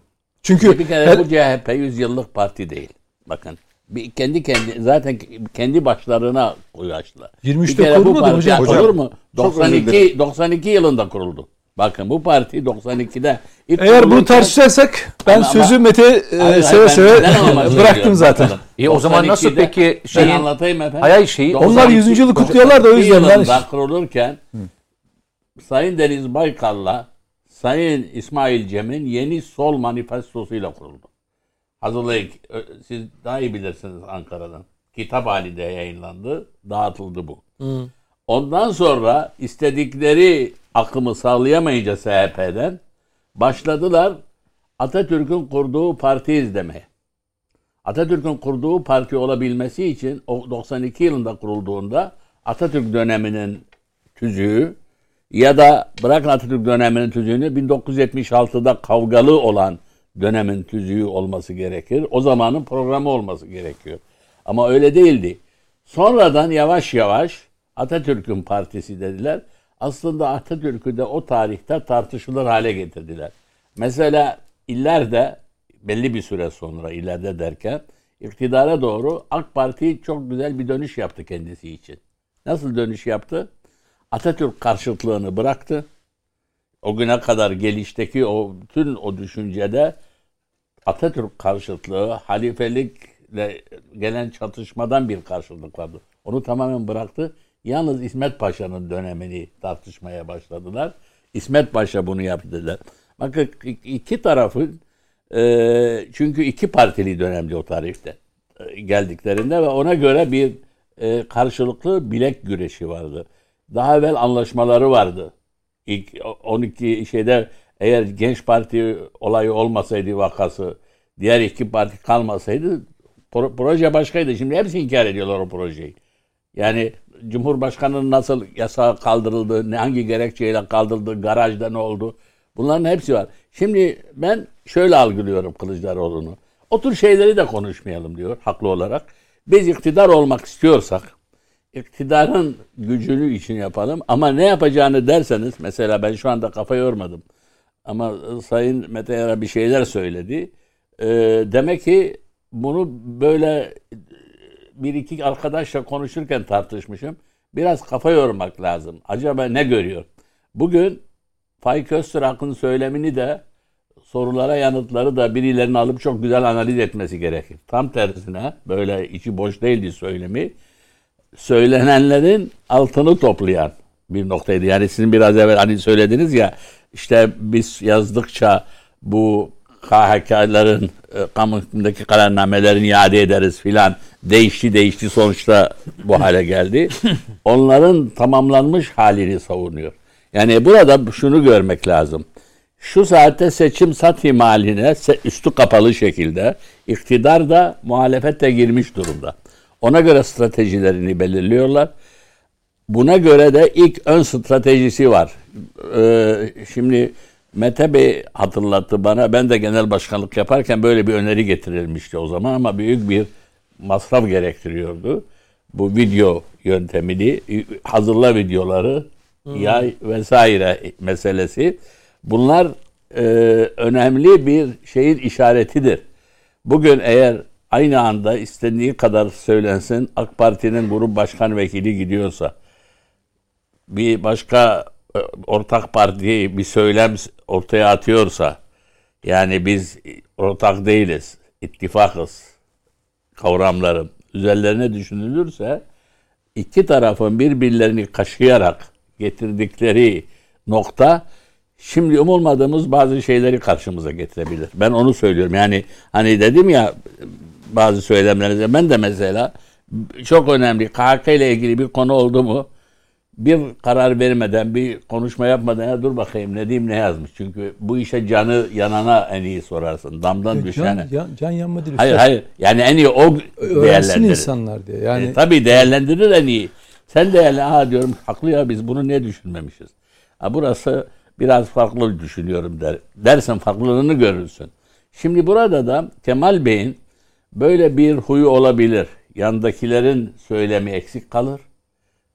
İçinde söyler. Biraz evvel nasıl Mustafa Bey bana dedi ki DSP zamanında da varsa söyleyebilir. Ben bu, böyle şeyi aşmak istemediğim için söylemedim. Yoksa Bizim de söyleyecek çok şeyimiz var. Peki. Teşekkürler Masum Bey. Sırada ne var Mete Yarar? Şimdi şöyle söyleyeyim. E, şu, şunu çok e, to- tam anlaşılmadığını düşünüyorum ben. İns- Yani tam anlatamadığımızı düşünüyorum. Gündemi belirlemek e, toplumun gerçek anlamda konuştuğundan farklı konuştuğu anlamına gelmiyor. Çünkü şöyle bir durum var. Siz gündemi belirlerken kamuoyunun gündemini belirlemiyorsunuz. Televizyon ve e, gazete manşetlerinin gündemini belirliyorsunuz. Çünkü kamuoyunun gündemi devam ediyor zaten. Yani akşam gittiğinde kasaya gittiğinde ya ben daha önce buraya 100 lira vermiştim şimdi 200 lira verdim diyorsunuz. O gündem değişmiyor. Bunu buna iyi etmek lazım. Yani gündemi farklı okumuyorlar. Gündemin üst kısmını, manşet kısmını kendileri dolduruyorlar. Bu neye yarıyor biliyor musunuz? Neye yarıyor ben size söyleyeyim. Hükümet veya Cumhurbaşkanlığı sisteminde icralarını anlatabileceği mecra bırakmıyor. Mecra yok. Ben sana şöyle sorayım. Çok önemli bir icraat yapıldı. İşte demin Üstad geçildi. Türkiye'nin belki 100 yıllık hayallerinden bir tanesi. Çanakkale'nin iki tarafını birbirine birleştirmek. Çok tartışabil tartışılabildi mi? Sistemi tartışırsınız. Sistemin yanlışlığı, doğruluğu, yani böyle mi yapılsın, yapılmasını tartışabilirsiniz bakın. Ama gerçekten gündemin ana maddesi olabildi mi? Olamadı. Kamuoyunun, bak kamuoyunun ekonomisine bir katkı sağlamaz. Ama sen manşete çekersin. Manşete çek- çekmesine müsaade etmedi. Bu anlamda çok doğru gidiyor. Peki bu arada şundan vazgeçiyor mu? Şundan da vazgeçmiyor. Bir şeyi konuşuyor. Ama bir şeyi konuşurken icrayı sıkıştırmaktan vazgeçmiyor. Bak hem manşeti alıyor. Hem kamuoyu kendi görevini devam ediyor. Yani ekonomi sıkıntı varsa zaten ekonomi sıkıntı devam ediyor. Üçüncüsü de icrayı muhalefet anlamında sıkıştırmaya devam ediyor. Üç alan vardır. Üç alanın üçünü de kaplıyorsun. Bu anlamda ister e, yanlış deyin, ister doğru deyin. İster altı boş deyin, ister başka bir şey deyin. Manşeti kapladınız bitti. Demin Mustafa Bey çok güzel bir şey söyledi. 15 madde söyledi. 15 madde ne? Hadi hep beraber sayalım. Birinci Sayalım. madde kendi içinde 50 madde içeriyor. Yok yok ki böyle bir say- kimse sayamaz. Ama gündemi belirle, belirlemesiyle beraber ilerliyor. O ilerlemeyi de belli bir mantıkla gidiyor. Ben size hemen manşetleri vereyim. Önceki bir sonra çekecek olanları sırasıyla söyleyeyim. Hani bu birebir sıra olmayacaktır da. EYT. Emekli yaşa takılanlar olacaktır. Sonra Vaat olarak diyorsun. çıkacak YouTube çekilecek bunlarla ilgili. Tamam mı? Tamam ben, geldiğimde bu işi çözeceğim diyeceksin. Öyle demeyecek. EYT'nin EYT'nin şeyini açacak. Yani neden olması gerektiğini anlatacak. Olmaması Gündem yapacak. Gündem yapacak. Gündem yapacak. Tamam. Tamam. İki, atama bekleyenler. Üç, 3600. Dört, gençlerin en büyük sınav, sorunlardan bir tanesi sınav sistemi. Yani okullarda, üniversiteye girerken çektikleri ikide bir sınav sisteminin değiştirilmesi. Üniversiteyle ilgili konuşacak. Bak şeyi vermeyecek, manşeti verecek. 3600 konuşuluyor şimdi. Zaten takvim de belirlendi. Yok ama o kendisi çekecek. Ha, tamam. Ben ben videolardan bahsediyorum. Çok Atamadaki etkili olmayabilir 3600 ile ilgili olan. Takvim Efendim? de belirlendi ya 2022 Olur. sonunda. Hiç 3600 önemli değil. Başkadır çünkü. Evet. hiç önemli değil. Emeklilikle ilgili. Hiç önemli değil. Çünkü 3600 kime verileceği de önemli. Yalnızca polislere mi verilecek, öğretmenlere mi verilecek, yoksa Tamamını bütün mı memurlara mı kapsayacak? verilecek? Bunun onu konuşacak. Atamalardaki mülakat sistemini konuşacak. Liyakatla ilgili. Yani en çok e, yüksek puan alıp alıp mülakatta elenenler var ya. Arkasından vergi indirimler ve teşvikler. Ben saydım. Demin güzel bir şey söyledi e, Nedim. Bir sürü şey söyledi de o da güzellerinden bir tanesiydi. Dedi ki toplumun gündemi genel ifadelerle anlatılacak. İşte alın size toplumun gündemi en önemli 5 maddesi 6 maddesini sayayım ben size. Sonra ikinci aralara serpiştirecek olan dış politika. Suriye Suriye sorununu çözeceğiz. Suriye ile nasıl çözülecek? Nasıl götürülecek? Mısır'la ilişkiler. Avrupa Birliği ilişkiler. Burada iki tane ülkeyle ilişkiler yer almayacak. Bak ben sana söyleyeyim. Bir tanesi İsrail. Bir tanesi ABD almayacak. Bu iki ülke dışındaki bütün ülkelerle nasıl bu işin yönetileceği konuşulacak ve tartışılacak. Sıra bu. Çünkü toplumun konuştuğu konunun dışına çıkmıyorlar. Ben yıllar önce Sayın Cumhurbaşkanı o zaman başbakandı. Neyi tespit etmiştim biliyor musun? Sayın Başbakan bir şey söylüyor. Konuşması sırasında bir deyim söylüyor. Ya dönüyordum. Ya ben bunu bir hafta önce bütün konuştuğum, gezdiğim yerlerde aynı kelimeyi duyuyordum. Yani başbakan konuştuğu için halk konuşmuyordu. Halk konuştuğu için başbakan konuşuyordu. Onun diliyle anlatıyordu. Müthiş bir e, şeyi vardı, metin yazarı. E, sen hatırlarsın muhtemelen. Burada da köşe yazarlığı yaptı. Milletvekili oldu. Aydın Ünal, Evet. Aydın Ünal. Şimdi bu çok önemlidir. Aynı lisanı konuşabilmek. Siyasetçinin siyasetçiyle halkın aynı dili konuşması çok önemlidir. Kendisiyle aidiyet duygusu oluşturur. Bak aidiyet duygusu oluşturur. Zaman zaman biz siyasetçi değiliz. Bak Nedim'le ikimiz siyaset değiliz. Biz yalnızca televizyona çıkıp program yapıyoruz. Hiç kimseye verecek hani bir şeyimiz de yok, hesabımız da yok. Sokağa çıktığımızda en çok karşılaştığımız konu ne biliyor musunuz? Ya bizim düşündüğümüzü söylüyorsunuz. Biz de söylesek ağzımızdan bu çıkartı. Bu bile bize karşı bir yakınlık oluşturuyor. Şimdi düşün. Bir de makamdasın. Siyasetçisin. Kocaman bir makam işgal ediyorsun. Onun lisanıyla ve onun şeyle konuşuyorsun. Bugün baktığınız şu söylemsel mantık yıllar önce Sayın Başbakan'ın AK Parti döneminde başlangıcında siyasete girmeden önce ve daha sonra siyasette yol alırken izlediği yöntem birebir aynısı. Toplumun konuştuğunu konuşmak. Siyasetçi zaten böyle olmalı. Siyasetçi bir ötesinin vaadini vermemeli. Bir ötesinin vaadini kim verir biliyor musunuz? Devlet Planlama Teşkilatı verirdi eskiden. 10 yılı planlardı. Siyasetçi günü satar. Günü pazarlar, günü anlatır insanlara. Çünkü o andaki sorun herkes için birinci önceliktedir. Benim için emekle yaşa takıldıysam benim için birinci öncelik emekle yaşa takılmaktır değil mi? Ben bu ay kiram yükseldiyse ben kirayı ödemiyorsam benim birinci önceliğim budur. Bu birinci önceliğimdir benim. Bu birinci öncelikten vazgeçmemek gerekiyor. Taktiksel olarak baktığınızda kim akıl vermiş bilmiyorum ama doğru vermiş. Bakın doğru vermiş. Sokakla siyasetçi aynı dili konuşmalı. Bugün vatandaş ne sordu sana yanına gelip? Bana şeyi sordu. Savaş olacak mı olmayacak mı diye sordu.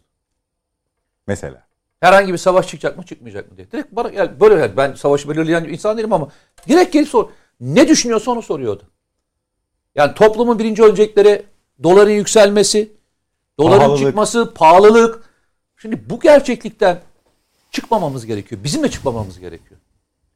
Çünkü çıktığımızda şöyle bir yanlış yere doğru hepimiz savrulabiliriz. İktidarlara niye talip olursun? İki şey için talip olursun. Önce sorunları çözmek. İkincisi de geleceği daha ileri refaha götürebilecek atılma yapmak için olursun. Bunun içinden birincisinden vazgeçmezsin. Birincisi refah. Refahı sağlamaktan vazgeçmeyeceğiz. Çünkü sana birebir o desteği, kamu desteğini verecek olan da odur. Muhalefet ilk defa doğru bir taktikle gidiyor. Siyasetin siyasetin belirlediği konuların değil, kamunun yani kamuoyunun belirlediği konuları birinci önceliğini alarak gidiyor. Şimdi diyeceksin ki bunun önceliğinde kanun hükmünde kararname var mı? Var arkadaş. Benim benim için yok ama başkası için var. O yüzden e, sayısal anlamda konuşuyor. O yüzden genele hitap ediyor. Demin söylediği bir rakam var. 7 bin öğrenci atıldı şeyden. Bu işkencelerle 7 bin öğrenci atıldı. 7 bin öğrenci atıldı. Adam sayısal olarak bakıyor olaylara. Sayısal olarak değerlendiriyor. Kim konuşuyor, ne yapılıyorsa ona göre belirliyor. Biz ne kadar dirensek de, biz farklı şeyler söylesek de, o söylesek de gündem akşamleyin evine giden Vatandaşın. vatandaşın belirlediği gündem. Peki. Ve o gündem seçim sandığına gidiyor. Bak o gündem seçim sandığına gidecek. Başka bir gündem gitmeyecek. Bize de fırsat olur. İşte biz de geldiğimizde burada bunları anlatmaya çalışıyoruz. Dış politikanın içerisinde Türkiye'nin bekası önemsiz midir? Müthiş önemli. Yani toplumu da şuraya indirerek konuşmuyorum. Yani soğanla patatesin pahalılığıyla e, ülkenin bekası aynı kefeye getirmiyorum. Ama şu değil bu. Bunun önemsiz olduğu anlamına gelmez. Bekanın ve Türkiye'nin geleceğiyle ilgili sorunların önemi diğer sorunları önemsiz kılmıyor. O günlük refah o da varoluş nedenimiz. İkisini beraber potada erinletebilmek ve konuşabilmek lazım. Benim hani genel anlamda genel anlamda yapar yapmaz, eleştirir eleştirmez. Niye bunları konuşuyor? Neden bunları söylüyorsunun?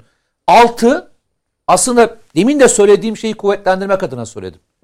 Bir plan var, bir icra var ve bu icraya yönelik de bir e, eylem var. Bunu zaten zamanında AK Parti yapıyordu işte senin söylediğin gibi. Onu söylüyorum ben de. Evet, evet. Peki. Ee, hocam- Hayır başka türlü okuma yapmaya gerek yok. Onu demek istiyorum. Yani çok hani vay yok arkadaş yapılmışını çok güzel bir şekilde yapıyorlar. Peki. Hocam e, yavaş yavaş konu başlığını da değiştireceğim ama bu 50 artı 1'e gireceğim. E, daha sonra Milliyetçi Hareket Partisi'nden gelen sizin de işaret ettiğiniz açıklamanın detaylarına. HDP'li Garo Paylan demiş ki e, 2023 seçimiyle ilgili konuşuyor. Cumhurbaşkanlığı seçimiyle ilgili. Sayın Kılıçdaroğlu ve Sayın Akşener'in kendileri hakkında bir öyle bir böyle konuştuğunu ifade ediyor. Bunun da umutlarını kırdığını söylüyor. Kendi umutlarını kırdığını söylüyor. İstanbul'u nasıl beraber kazandıysak Türkiye'de hep beraber kazanmalıyız mesajı veriyor. Bir yandan da e, İyi Parti diyor ki e, sözcünün açıklaması CHP eğer HDP ile böyle bir ittifaka girecekse biz onun içinde olmayız diyor. Şimdi HDP'nin bu ittifaklarda olup olmayacağı seçim ortamına girilmedikçe hiç kimseden açık, seçik, kesin bir yanıt almamız mümkün değil. Ya bir şey İki soracağım. taraf da Bak, vermez. Siz olmadığını mı düşünüyorsunuz? Hayır, hayır. Yani toplumda bunun dışında olduğunu mu düşünüyor? Hayır, Ben yanıt almam. Yok yok hayır ben şey için soruyorum. Hani siz de siyasetçisiniz, geziyorsunuz. Ben söyle, Ha, söyleyeceğim. onu merak şey, ediyorum ben. Yanıt almayız. Ancak bunun ittifakın olabilmesinin koşulları var. O koşulları Kemal Bey sağladığı zaman kimse itiraz etmez. İstediğimiz kadar. Şimdi ben bunu HDP diye görmüyorum. AK Parti'ye verilen Kürt kökenli vatandaşlarımızın oylarını da katarak söylüyorum. Bir kere eğer bir iş kopmuşsa onun HDP olması, olmaması hiç önemli değil. Gelir oylarını verir.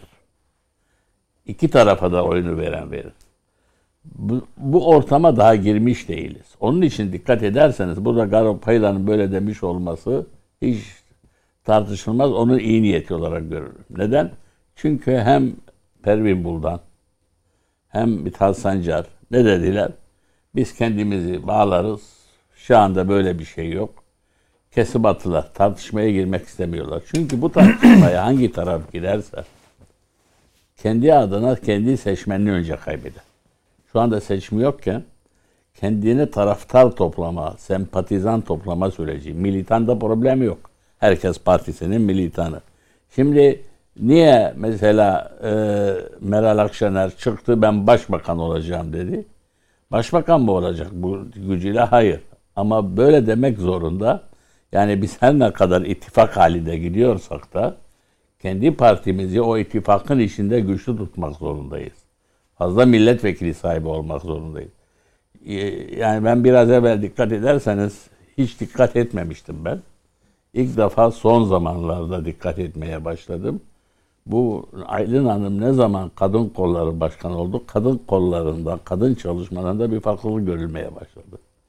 CHP'de eskiden yoktu öyle aynı hani AK Parti'deki o hızlı çalışmalar herkesin gittiği fazla CHP'de yoktu ama şimdi CHP'de de görüyorum ben gittiğim yerlerde hani insanlar konuşuyor geliyor işte sizi bilanca televizyonda gördük eskiden ilgilenmiyorlardı bile.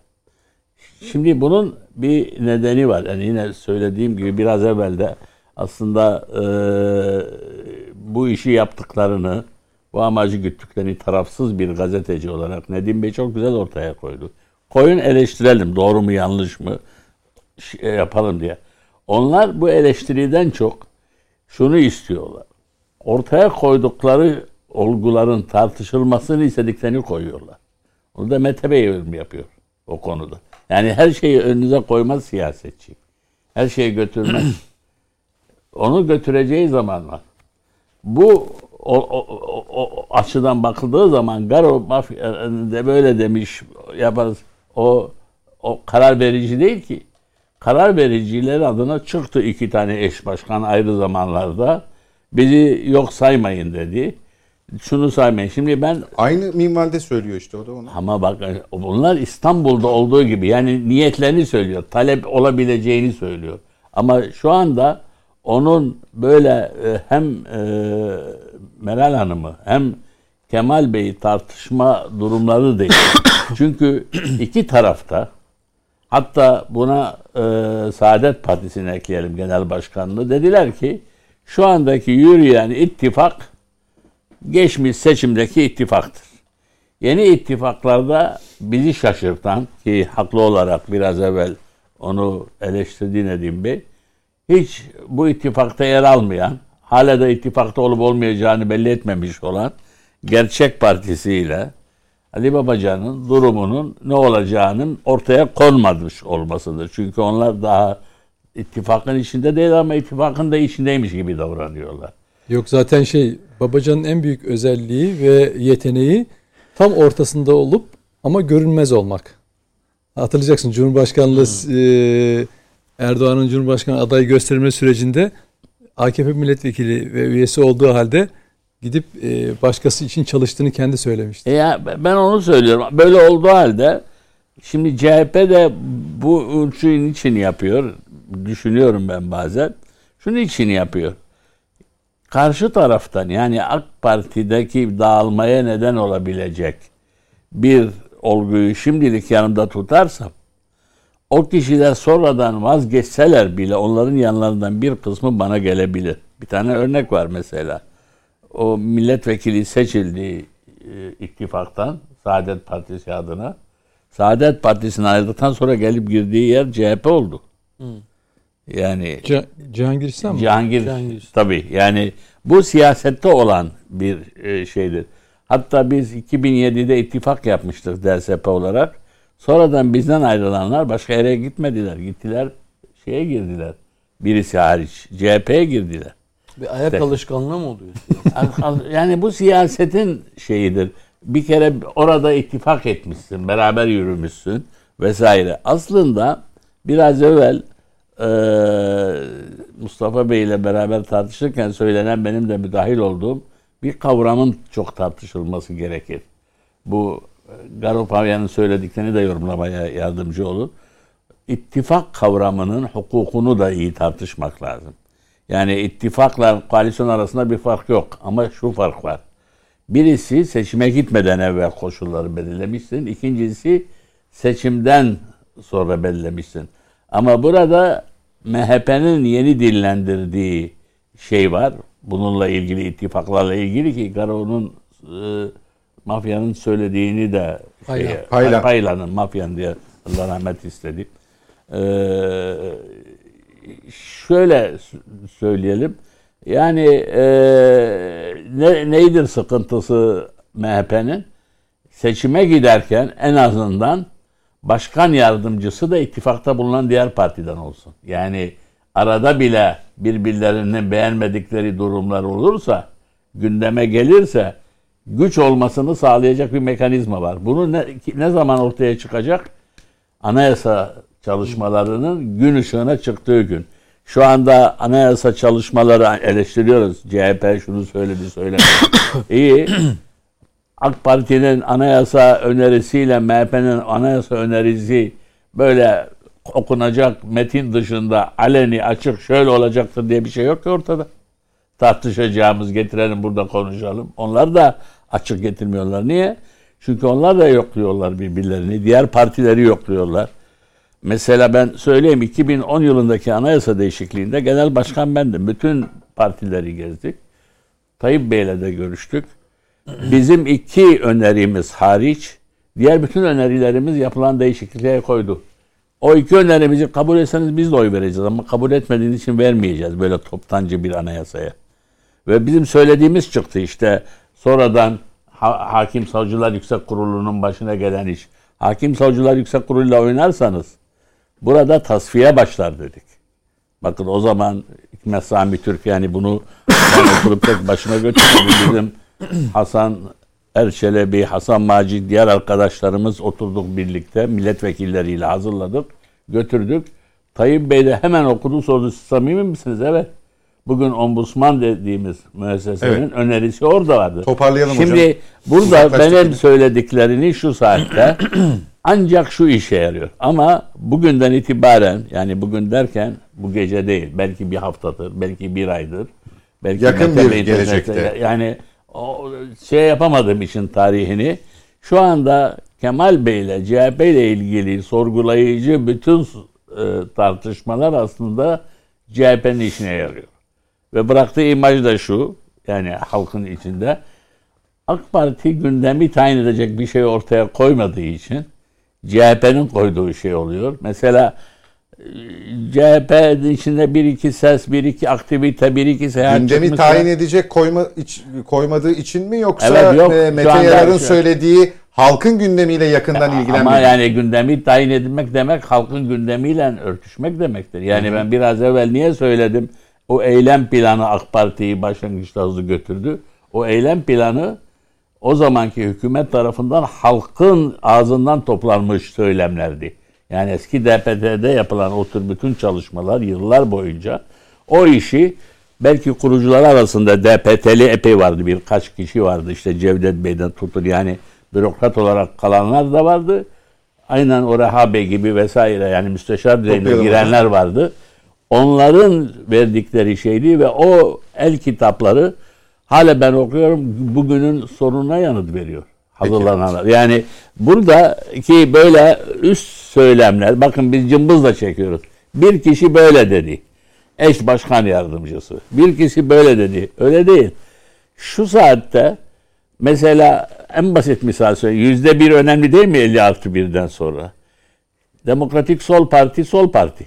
Kendi düşüncesinde. Mesela şu anda CHP'nin gündeminde olup olmadığı belli değil. Ve kendi elleriyle insanlar yavaş yavaş acaba DSP AK Parti ile mi olacak? Kendisi itmeye çalışıyor. Böyle bir imaj yaratmaya çalışıyor. Ama kimse de bunu yemiyor. Yani bu böyle bir gündeme girmiyor çünkü esas gündemi bi- biliyor, belirliyor.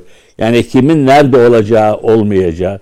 Çünkü için sorduğunuz sorunun bana göre e, tırnak içinde ben bu tür tartışmaları şu anda dikkate almıyorum. Ama ne zaman alınacak çok önemli. Seçim sat ihmaline ki bu belli oldu. 2022 olacak. İstenildiği, Erken seçim diyorsunuz yani. Olmazsa Cumhurbaşkanı aday olamayacak.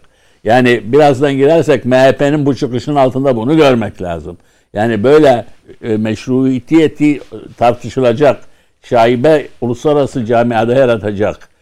Bu hani bir taraftan diyoruz mesela bu Türkiye Cumhuriyetleri için yapılan şeyler mükemmel şeyler. Bunlar hep engellenirdi. Yani ben bir başka görevlerdeyken de yapıyordum. Dağılıyor konu hocam. Tabii, tabii, Toplayalım. hayır ya ben şu açıdan Anladım, anladım. Onu da konuşacağım, Yani geleceğim. yani bu ol- olaylar oluşurken muhakkak o diğer olguları görmek lazım. Peki.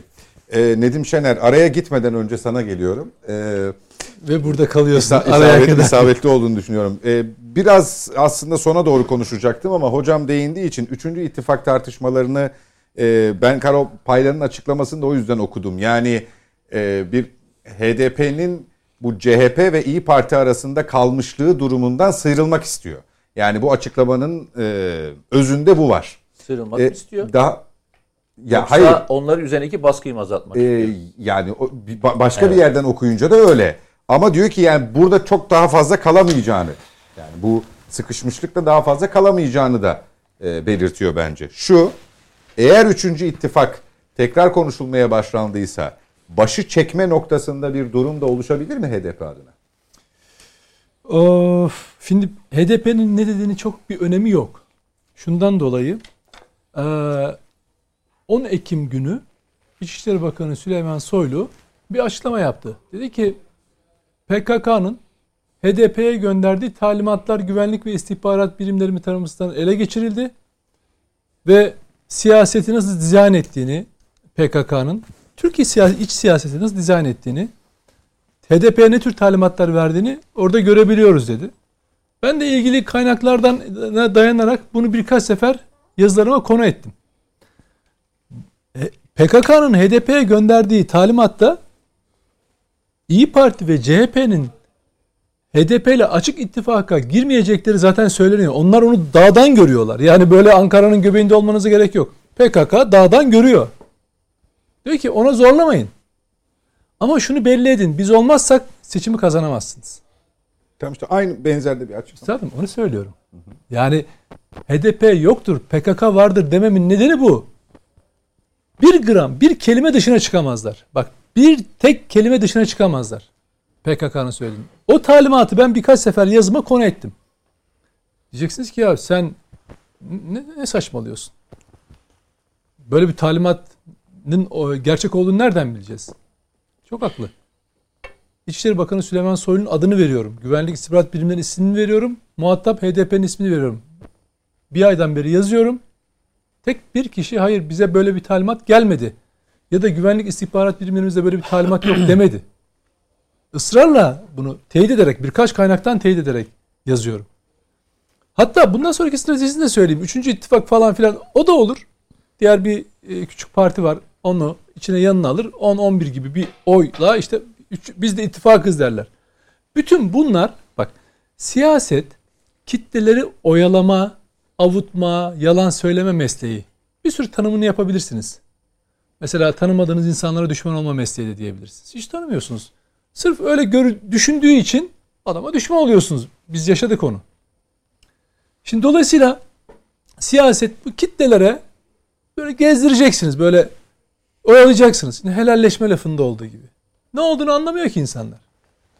Yani şimdi Masum, Masum Bey doğru söylüyor. Hani kitlesi bak ne diyorum size helalleşme lafını CHP örgütleri, tabanı, yazarları, yandaşları dahil hiç kimse üzerine durmaz bile. Hiç o iş olmamış gibi. Aynı Kürt sorununda ve KHK'lılar meselesinde olduğu gibi. Ya ne diyor bu Kılıçdaroğlu bir dakika falan filan. Asla ve kat'a buna girmezler girmediler de zaten. Onun dışındaki bütün herkes helalleşme nedir falan filan diye konuşuyor. Şimdi burada da bak PK, PKK diyor ki yerel seçimlerdeki e, model tuttu. Bunu şimdi genel seçimlerde o yüzden baskı yapmayın. Hani bizi içine alın falan filan diye. Ama belli edin diyor rahatsızlığınızı ve e, genel seçimlerde böyle kazanabileceğinize yani havuç gösterin diyor. Kazanabileceğinizin işaretini verin diyor. Mesela Cumhurbaşkanlığı seçiminde bak ben bunu yazdım. Dağdan yazılan siyaset tiyatrosu diye yazdım. Bak bize biz bir sürü elektrik harcanıyor burada. Konukları çağırıyor. Ulaştırmada arkadaşlar bizi getiriyorlar, götürüyorlar. Bir sürü değil mi? Emek, masraf var ya burada. PKK yazmış kardeşim. Diyor ki senin sorduğun sorunun cevabını yazmış. İki, Cumhurbaşkanlığı seçiminde kendi adayıyla girecek. Bak kendi adayımızla gireceğiz diyor. Bak PKK diyor ki birinci tura diyor kendi adayımızla gireceğiz diyor. Şöyle demiyor mesela. HDP birinci adayla girsin demiyor. PKK diyor ki birinci tura kendi adayımızla gireceğiz diyor. Tabanın kabul edeceği bir isim belirlenecek diyor. Geçen gün birisi bir tweet attı hatırlıyor musunuz? Cumhurbaşkanımız falan filan selamı var Zatürt falan diye. Birisi hakkında. İsim söylemeyeyim gerek yok.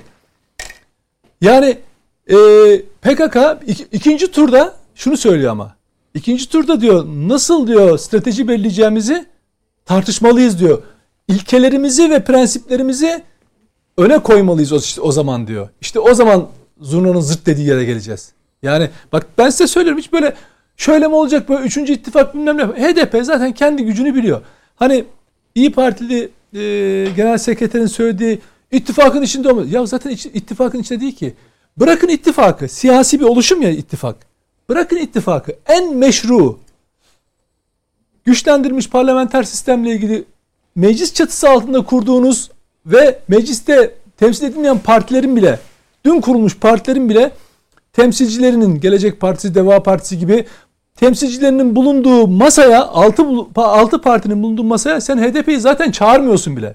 O, Dolayısıyla bu rest olarak okunmamalı. Hocam bak ya değil hocam. ittifak e, şeyini e, ne derler e, motivasyonunu, ittifakın dinamiklerini anlamamaktır bu. Çok basit bir şey var. Rest Kıl- olarak bak, değerlendirmek. Kılıçdaroğlu'nun baştan itibaren yaptığı şey 50 artı 1 nasıl ulaşacağım? HDP'siz olmaz. HDP'de diyorlar ki oy ver sen ortalarda görünme. Hani oyunu ver sen ortalarda görünme. O da şunu biliyor. Beni istemiyorlar ama ben diyor tam kritik noktaya geldiği zaman ki PKK öyle diyor. PKK diyor ki bak ben bu metni ya iki defa yazdım kardeşim. Yine yazacağım. Anlasın insanlar ya. Ya arkadaş Türkiye'de iç siyasetteki şeyi dinamikleri dağdaki teröristler herkesten çok iyi okuyorlar ya. Adamlar 40 yıldan beri bunun mücadelesini veriyorlar zaten. Yani iç siyaseti kim kimdir falan diye. Yerel seçimlerde nasıl da ne, ne dedi şey? Sezai Temelli. Ya Batı'da diyor kazandıracağız, Kürdistan'da kaybettireceğiz. O laf geldi Siirt'te. Burası Kürdistan'a kadar geldi. Kim yatsıdı? Ha milliyetçi tabanı avutmak, gazını almak için diyeceksiniz ki biz HDP ile ittifaka katiyen şey yapmayız, içine almayız falan. E kardeşim oyunu alıyorsun, ittifaka almıyorsun. Anayasa komisyonu oluşturuyorsun, onu içine çağırmıyorsun. Ya bu ne ne bu kitleleri nasıl aptal yerine koymaktır ya bu? Ya onun için ben Masum Bey'e söyledim. Ya beni kimse aptal yerine koyamaz. Derdim şu. Ya milleti de aptal yerine koymayın. Açık açık konuşun kardeşim. Bak ben yine söylüyorum. Ben Akşener ya da Kılıçdaroğlu'nun yerine olsam bak eğer bu noktaya gelmişsem yemin ediyorum size alırım HDP'li yanıma işte ittifak kabul edin etmeyin. Bu bir cesarettir tamam mı? Ben buna inanmışsam ama. Ha karşısındaysam da ölümüne de mücadele ederim. Şimdi öyleyim yani. Ama karşısındayım ve ölümüne mücadele ederim. Çünkü niye? Şunu biliyorum. HDP diye bir parti yoktur. PKK vardır. Bunu insanların kafasına sokması lazım. Yani o yüzden PKK'nın gönderdiği talimatlar çok açık. Ya lütfen PKK'nın en e, şey e, öndeki terör elebaşları açık açık söylüyorlar zaten. Tezkerede nasıl davranmaları gerektiğini, eğer öyle olmazsa nasıl olacağını, tersi durumda neler yapılacağını kendileri söylüyorlar. Ve tezkerenin bak Karasu, Mustafa Karasu PKK'lı diyor ki CHP diyor tezkereye hayır oyu, oyu vermekle şunu gördü diyor. Aynı benim yazdığım gibi. Ee, HDP'nin desteğini almazsa e, iktidar olmayacağını biliyor. Bunu gördüğü için diyor. Kardeşim ya Allah aşkına bak hani medyada bunlar konuşulmaz. Medyada bunlar paylaşılmaz. Tabii terör propagandasına girebileceği şeyler, boyutları falan vardır. Ama hani bu işte konuşacak olanlar Allah aşkına FETÖ'cü teröristleri ve PKK'lı teröristleri iyi takip etsinler. Türk siyasetinde dinamikleri çok iyi biliyorlar. Nasıl ka- kaşıyacaklarını ve kime nasıl talimat vereceklerini biliyorlar. O yüzden birçok kişi CHP, İyi Parti o etrafta hani ittifakın başı çekenleri bazı konulara suskun kalıyorlar. Refleksleri pelteleşmiş. Yani Atatürk, Atatürk falan hiç konuşamazsın mesela. Yani mesela HDP işte 10 Kasım Atatürk ağzına almaz. Ağzına almaz ama e, e, CHP ile işbirliği yapmaya şey yapar. CHP'ler de buna ses çıkarmaz. Dolayısıyla şey yapmayın. Hani böyle e, ya HDP'ler kızıyor. Garapaylan, Garapaylan kim yani? Yarın PKK der ki tamam e, vekil yapmayın der. Hangi tabana dayanıyor? Evet. Hangi tabana dayanıyor? O partide HDP geçmiş siyasi hareketinde bir sürü isim vardı. Silindi gitti PKK res çektiği için ya da PKK'yı eleştirel bir tutum aldığı için. Mesela Leyla Zana ne yapıyor? Şimdi Tamam mevsimi ya. geçti ama domates ekiyordu yazları bahçesinde köyünde. Yani dolayısıyla adamı siler bitirirler.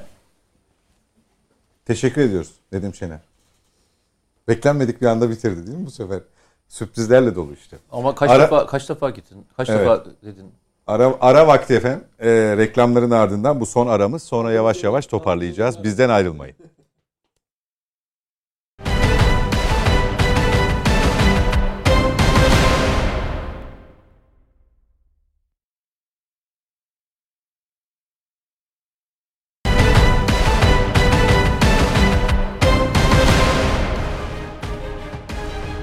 Yeniden birlikteyiz efendim. Net Bakış'a devam ediyoruz. Son etaba Bilen dolar. girmiş durumdayız. Mustafa Kartoğlu'dan soracağım. E, MHP cephesinden gelen açıklamaları. Önce Sayın Bahçeli'nin grup toplantısındaki konuşmasına tanıklık etmiştik. E, demokratik sorumluluğumuz muhalefettir şeklinde. E, yani bir ittifakın içindeyiz. Bu sorumluluğun bilincindeyiz. Ama bir yandan da MHP'nin görevinin Türkiye Büyük Millet Meclisi'nde denge ve denetleme olduğunu unutmamalıyız demişti partililere. Sonra e, hocamın ilk turda hatırlattığı Sayın Karakaya'nın açıklaması hükümet ortağı değiliz bizimki ittifak. E, ne demek istiyor MHP? Bir şeyden rahatsız mı? Ya bir rahatsızlık olsa bir defa onu söyleyeyim. Ee, iki e, hem e, Cumhurbaşkanı Erdoğan'ın hem Devlet Bahçeli'nin e, bu tür konuşmaları, mesajları birbirlerine başkalarının üzerinden vereceğini ben düşünmüyorum. Bugüne kadar da bu olmadı zaten. Çok da sık görüşüyorlar. Ee, o bakımdan hani çok e, komplovari bir e, yorum yapmak çok ileri gitmek olur. E, çok manalı bir şey değil. Ama e, bir tarafıyla da dedikleri doğru. Çünkü ittifaklar daha önce Masum Bey de bahsetti.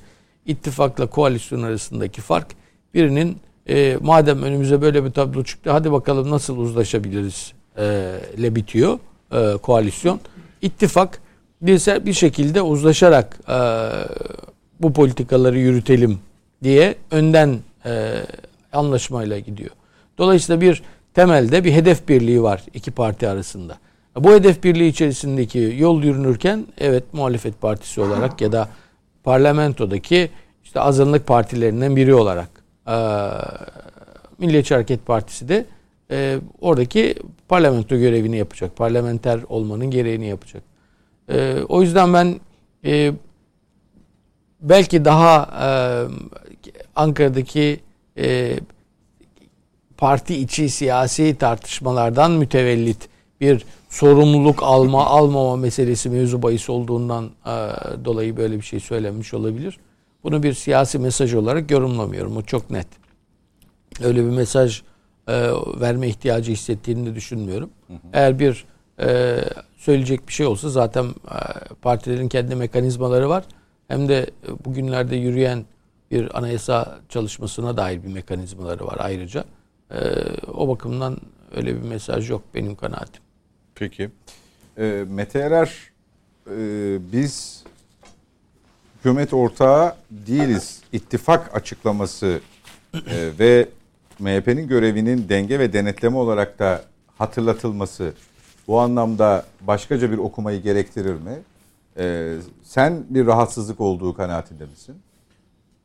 Ya şimdi e, iki şeyi birbirinden e, ayırt etmekte yarar var. Sonuçta e, pozisyon itibariyle baktığınızda e, toplum nasıl bir çerçevede görüyor? Yani ittifak olarak mı görüyor? Yoksa beraber ortak hareket ediyor mu diye görüyor toplum. Daha çok ortak hareket ediyor öyle görüyor. Ama doğrusu bu değil. Sayın e, Devlet Bahçeli aslında çerçeveyi çiziyor. Diyor ki bakın arkadaşlar bizim beraber yol yürümemiz iktidarı beraber üstlendiğimiz anlamına gelmiyordu. Bizim desteğimizin e, şekilleri ve e, çerçevesi var. Bu çerçeve içerisinde bu desteği veriyoruz. Bunu yaparken de muhalefet etmekten vazgeçmiyoruz. Muhalefet etmek dediğimiz hikaye şundan kaynaklanıyor. İtirazları, düzeltmeleri var. Devlet Bahçeli'ye daha önce de hatırlarsanız birkaç defa işte MHP'den de bakan, MHP'den de diğerlerin atamasıyla ilgili talep geldiğinde Sayın Bahçeli hep reddetti hatırlarsınız. Hiç kabul etmedi. Bugün baktığınızda e, iktidarın içerisinde bir MHP'li bakan var mı? Yok. Bu pozisyonu hiç değiştirmedi. Yani ilk günden beri değiştirmedi. Ama bunun üzerine oynayan bir grup var. Aslında buradaki mesajı AK Parti'ye değil, MHP'yi konumlandırmak istenen yere itirazı var.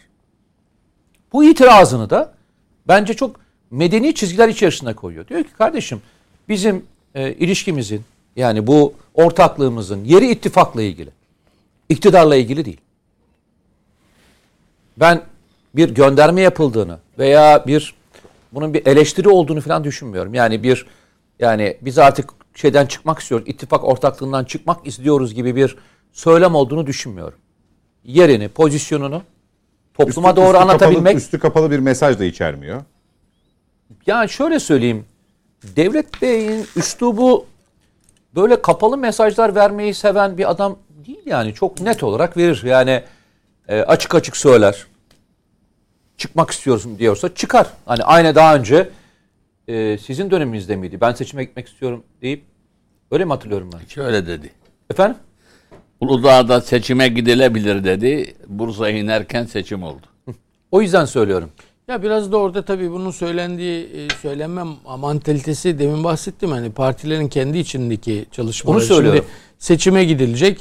E, 2023'teki seçime seçim çalışmalarına ilişkin bir soruya cevap verip partiler kendi oylarını alacaklar zaten. Tabii. O yüzden haliyle o iki parti arasındaki farkı da ortaya koymak zorunda. Çünkü şöyle bir şey var. Ee, Devlet Bahçeli birkaç şeyden vazgeçti. Bunlardan bir tanesi Cumhurbaşkanlığından. Yani adayımız e, Sayın Cumhurbaşkanı dedi. Yani şey e, Sayın Erdoğan dedi. Onun dışında iktidarla ilgili bir talepte bulunmadı. Şimdi bu kadar çok şeyi yaparken sanki bir iktidar ortağıymış gibi de e, hırpalanmasını ben doğru bulmuyorum. Geçmişte ittifakın bittiğini söyledi Sayın Efendim? Bahçeli. Onu da dile getirmişti. Neyi? Geçmişte Sayın Hangi Bahçeli. ittifakın? Yani ittifakın içinde gözden geçiririz gibi ifadesi olmuştu. Yok bilmiyorum onu hatırlamıyorum Ben da öyle bir ama şey burada mesele şudur. İttifak konusu bu ittifak 2003 İttifakın konuları belirli e, gözden geçiririz demişti. bozulmayacak yani bu Yani son derece net içindeki konular e, de- e, gelir ve biz bu konuları Bunu da açıkça söylemiştik. açıkça söyledi. Yani şimdi şöyle söyleyeyim. Devlet Bey'in kırmızı çizgileri var. Yani kırmızı çizgilerini AK Partililer de biliyor.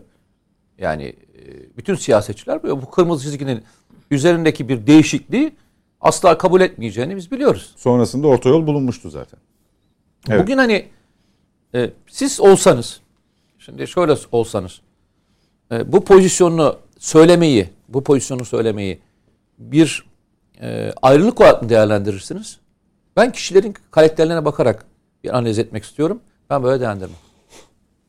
Çünkü Devlet, Bey- Devlet Bey böyle bir mesajı e, gidip grup toplantısından vermez. Sayın Cumhurbaşkanı bu mesajı direkt iletir ve muhatabıyla direkt görüşür. Doğru mu? Doğru.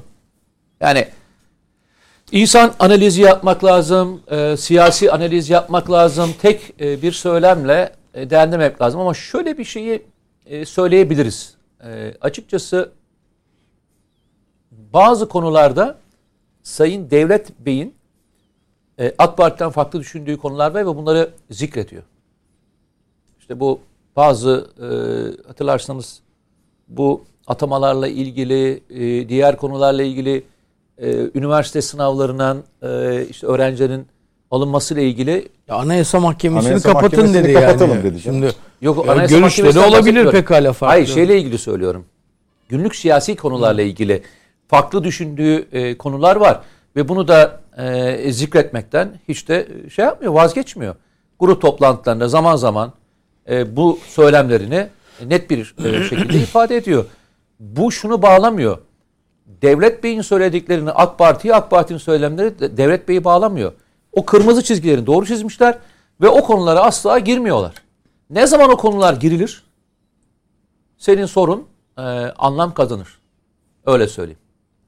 Peki. Şu anda Sayın Cumhurbaşkanı'nın kırmızı çizgisi de bir kerhan kabul etmiş değil. Aynı konuları aynı şekilde düşündüklerini düşünüyorum ben. Doğru. Evet o açıklamayı buldum şimdi Mustafa Bey. Yerel seçimlerde hiçbir partiyle ittifak yapmayacaklar. 2018 grup konuşması. Seçimde yolumuzu kendimiz çizeceğiz diyor. Cumhurbaşkanı Erdoğan da biz de herkes gibi kendi yolumuza gideriz e, diyor. Daha sonra karşılıklı açıklamalarla orta yol bulunuyor.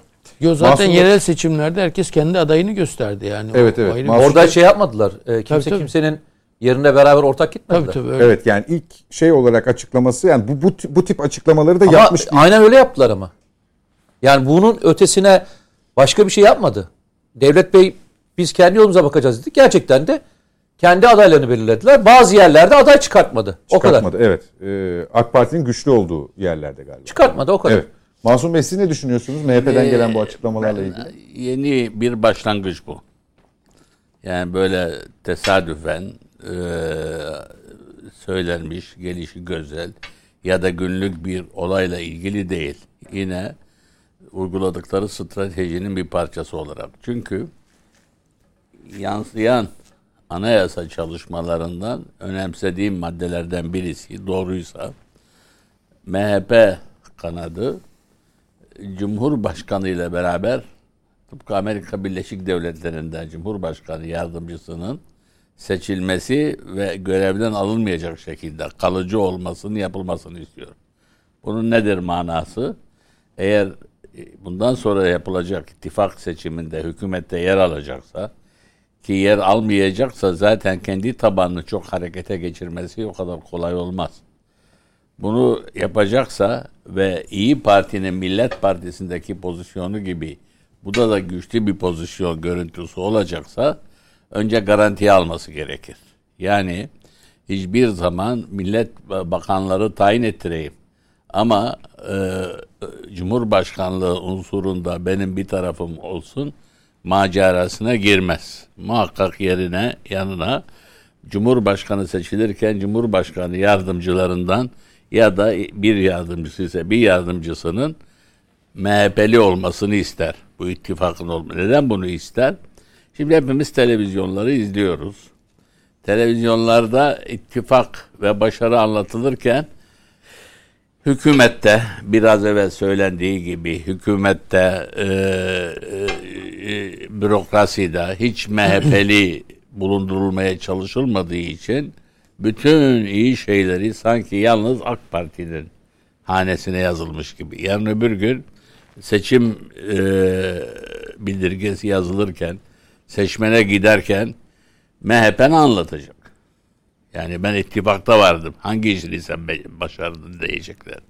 Başardım diye gözükmek istediği yer var. Bunlardan bir tanesi mesela en çok bu Anayasa Mahkemesi HDP olayını hmm. ortaya koyan e, bu konuda MHP'dir. İkincisi anayasa değişikliğinde talep edecekleri barajla ilgili düzenlemelerdir.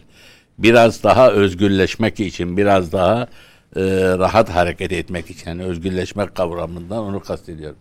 Şimdi ben e, herkes Devlet Bey'i tenkit ederken ilk ittifaka destek verdiği zaman ve hala Devlet Bey'i kendi adına başarılı bulan bir kişiyim. Yani bir siyasi taraf olarak değil, hem Devlet Bey hükümette beraber çalışmış, izleme imkanı bulmuş bir kişi olarak hem de yaptıkları siyaseten çok olumlu. Yani MHP'yi iktidara ortak paydaş olabilecek noktaya 1995 yılında yani rahmetli Alparslan Türkeş'ten sonra taşımıştır. Hali de taşıyor ve e, ilk önce Türkiye'deki solda çok olan bir şey vardır. Hemen lider değişsin, seçim kaybedildi bilmem ne şeyine. Önce o da geldi o dolduruşa 2002'de ama ondan sonra kapandı eve ve onu gerçekleştirmedi. Partisini tekrar parlamentoya taşıdı. Yani bizim Türkiye'dedir bu. Ha işte sen başarısız oldun, kaç seçim kaybettin, ayrıl filan deriz. Bu daha çok solda çok oluyor. Solun içinde. Artık olmuyor. Efendim? Artık olmuyor. o, o, yani olma yapması lazım. Yani şimdi Fransa'da Le Pen sıfırdan başladı. Her seçimi kaybetti. 30'a kadar taşıdı. Yani bir partinin Ama genel... Le Pen zaten sıfırdı. Abi sıfırdan işte sıfır.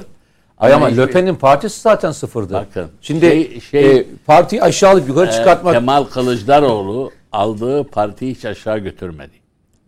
Hiç götürmedi. Yani bakın ben taraftar değilim. Onunla aynı partide beraber olmadım. Rekabet ettik hatta. Bazı söylemlerine zamanında da karşı çıktım ama böyle hani biz söylüyoruz yüzde yirmi de aldı. 2007'de biz DSP seçime girmekten vazgeçtiğimiz halde parti yüzde yirmide ancak kaldı. Yani o şeyini aşamamıştı.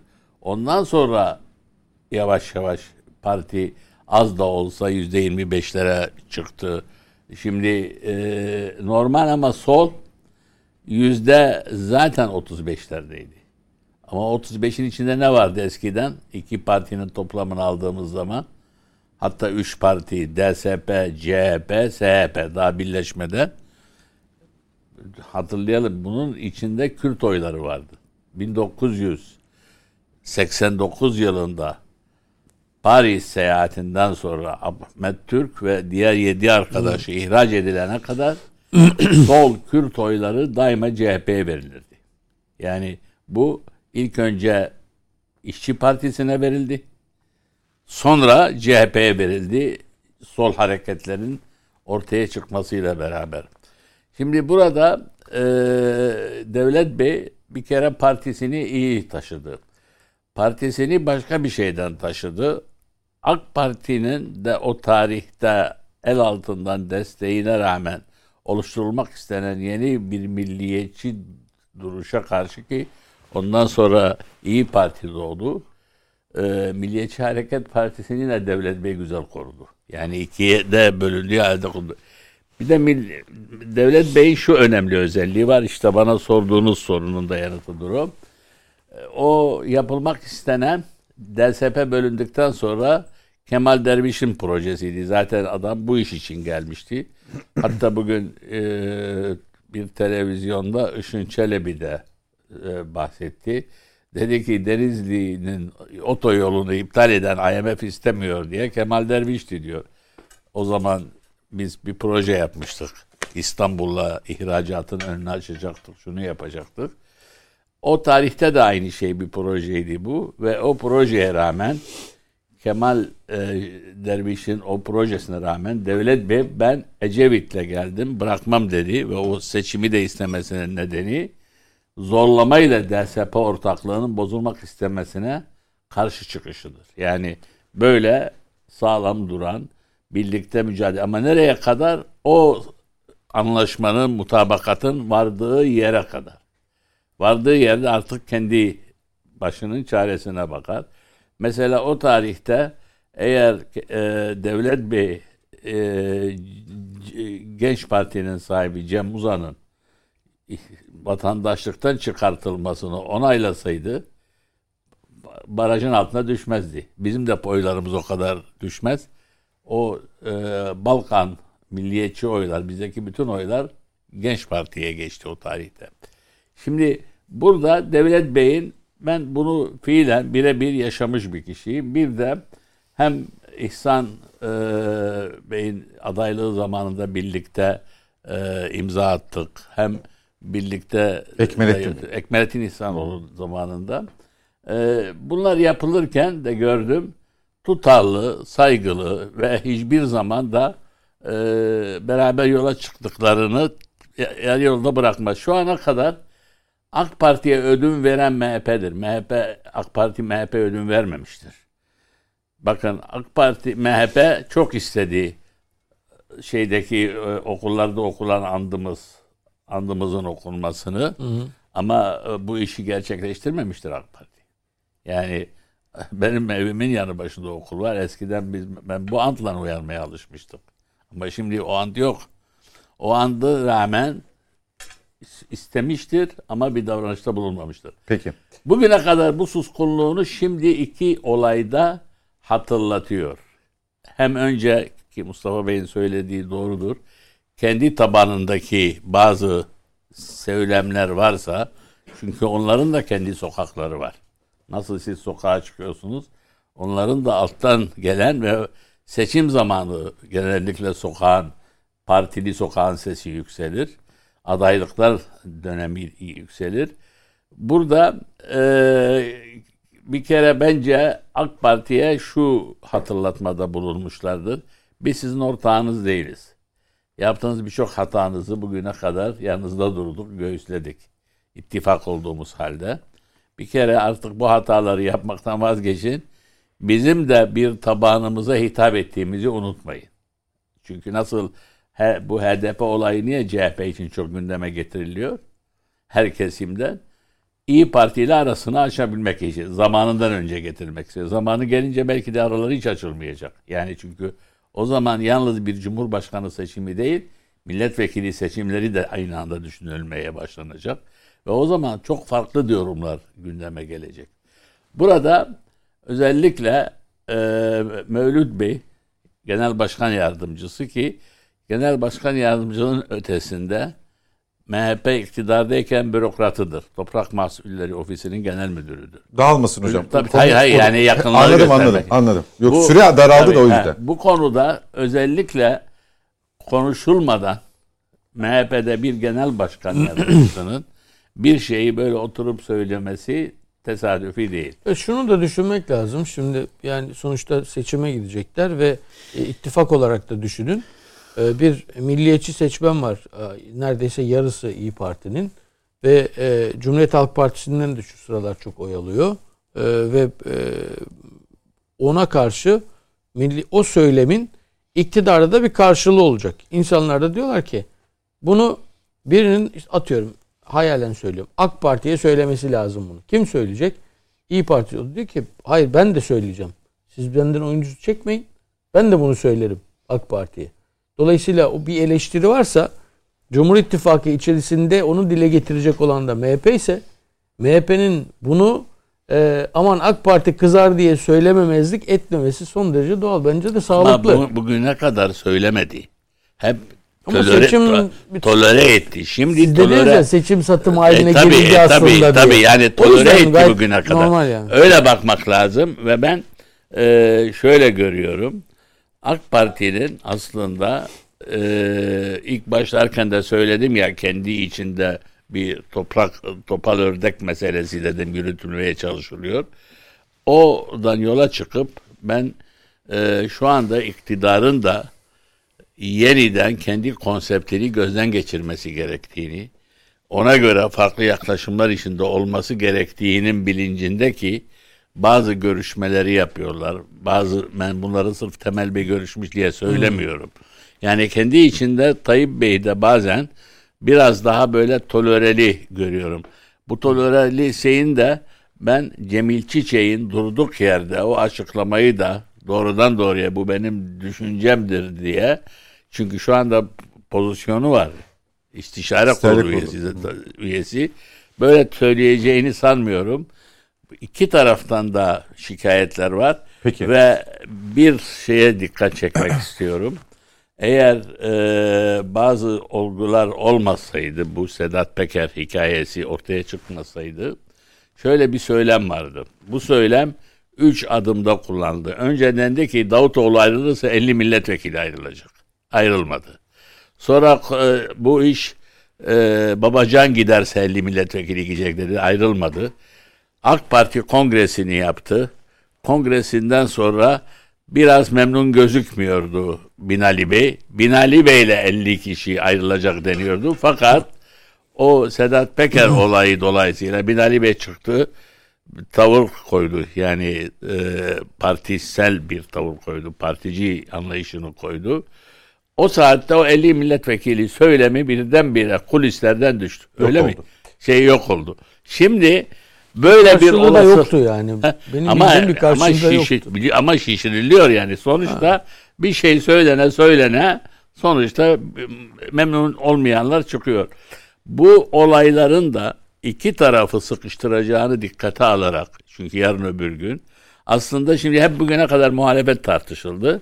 Bir de e, şeyin e, bir söylemi var ve onunla noktalamak istiyorum konuşmamı. Sayın Devlet Bahçeli bizim adayımız Recep Tayyip Erdoğan'dır diyor. Başka bir kişi aday, olasılıkları olduğu zaman bu iş farklı bakarız imajını da veriyor. Bunu da niye söylüyorum? Şu ana kadar hiç gündemde tartıştırılmıyor. Cumhurbaşkanı olur işte bir şeyler söylüyorlar filan. Yok hukuk geriye işlemez onunla alakası yok. Bunun da bugünden itibaren hele hele bu söylemlerden itibaren dikkate alınması gerektiğini düşünüyorum. Teşekkür Ve de erken ediyorum. seçimin yolunu açacak. Teşekkür ediyorum hocam. Nedim Şener, MHP MHP'nin muhalefet açıklaması. Ee, evet biraz uykun gelmiş. Ee, Enerjisi şeyde %50 artı 1'de tereddüt var açıklaması Sayın Cemil Çiçek'in. Ee, bu ayrı bir tartışma konusu da olacak zannediyorum ilerleyen günlerde. Ve Sayın Karamollaoğlu'nun tek blok tek aday açıklaması.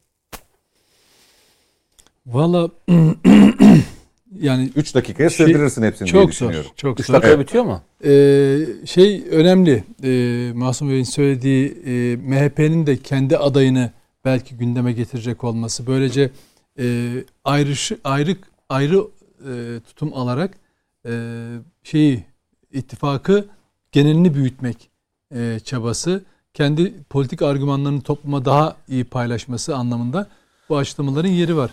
Ama e, ben tek aday meselesinde öyle olacağını zannetmiyorum. Çünkü deminden konuştuğumuz HDP meselesinde olduğu gibi yine söylüyorum ısrarla. Politik e, haritayı öyle çiziyor terör örgütü PKK'da HDP için. E, o kendi adayıyla gidecek. E, diğer e, şeyler e, nedir o? E, a, mesela Akşener belki e, kendi adaylarıyla çıkacaklar. Çünkü şu görülüyor. Her parti kendi kimliğiyle e, var oldukça aslında tabanlarını daha geniş tutabiliyorlar. Yani bir bütünde kaybolduğu zaman o zaman seçmenin e, algısı farklılaşıyor. Çünkü herkes kendi yani şeyde e, tabanın dinamiklerini te- talebin- e, tabanın reflekslerini diri tutmanız için politik e, e, özetlerinizi korumanız, canlı tutmanız gerekiyor. O anlamda e, fayda olacağını düşünüyorum ama zaten e, şeyin stratejisi de özellikle AKP e, hani evet Devlet Bahçeli bizim adayımız Erdoğan'dır dedi ama bu tartışmalar yavaş yavaş gerçekten e, önemli şeyler söyledi o anlamda. E, gitgide belki MHP'nin bir, bir, bir başka adayla o süreci götürmesi ve tabanı daha sonraki ikinci tura doğru giderken konsolide edecek bir e, tutum alması mantıklı olabilir. Şey için de böyle. E, diğer ittifak, Millet İttifak için de böyle.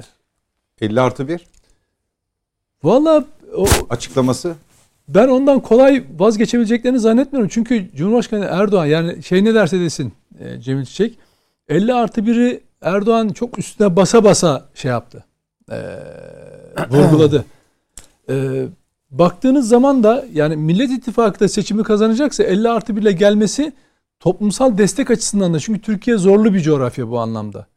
Yani hani başkanlık olur olmaz par- güçlendirilmiş parlamenter sistem bu, bu konudan bağımsız olarak söylüyorum. Yani iktidarı belirleyecek 50 artı 1 çok zor. Evet partileri de çok zorluyor ama iyi bir şey.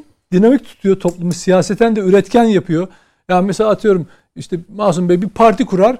Onun bile yani hani bizim o tabanda e, demokratik siyaset dediğimiz e, oluşumu aslında bir anlamda gerçekleştiriyor. Parçalandıkça yani küçük parçalı halinde de olsa bir bütünün değerli üyesi haline geliyor. Bu da siyaseti canlı kılıyor. Ayrıca 50 artı 1'i almak yani bir sonraki iktidar ya da bu iktidar devam edecekse veya bir sonraki iktidar e, toplumsal destek açısından çok önemli. Alacağı kararlarda, her türlü kararlarda çok önemli. E, yani şey var mı? Riskleri var mı? Evet. Bileşenlerden bir tanesi tavır değiştirir.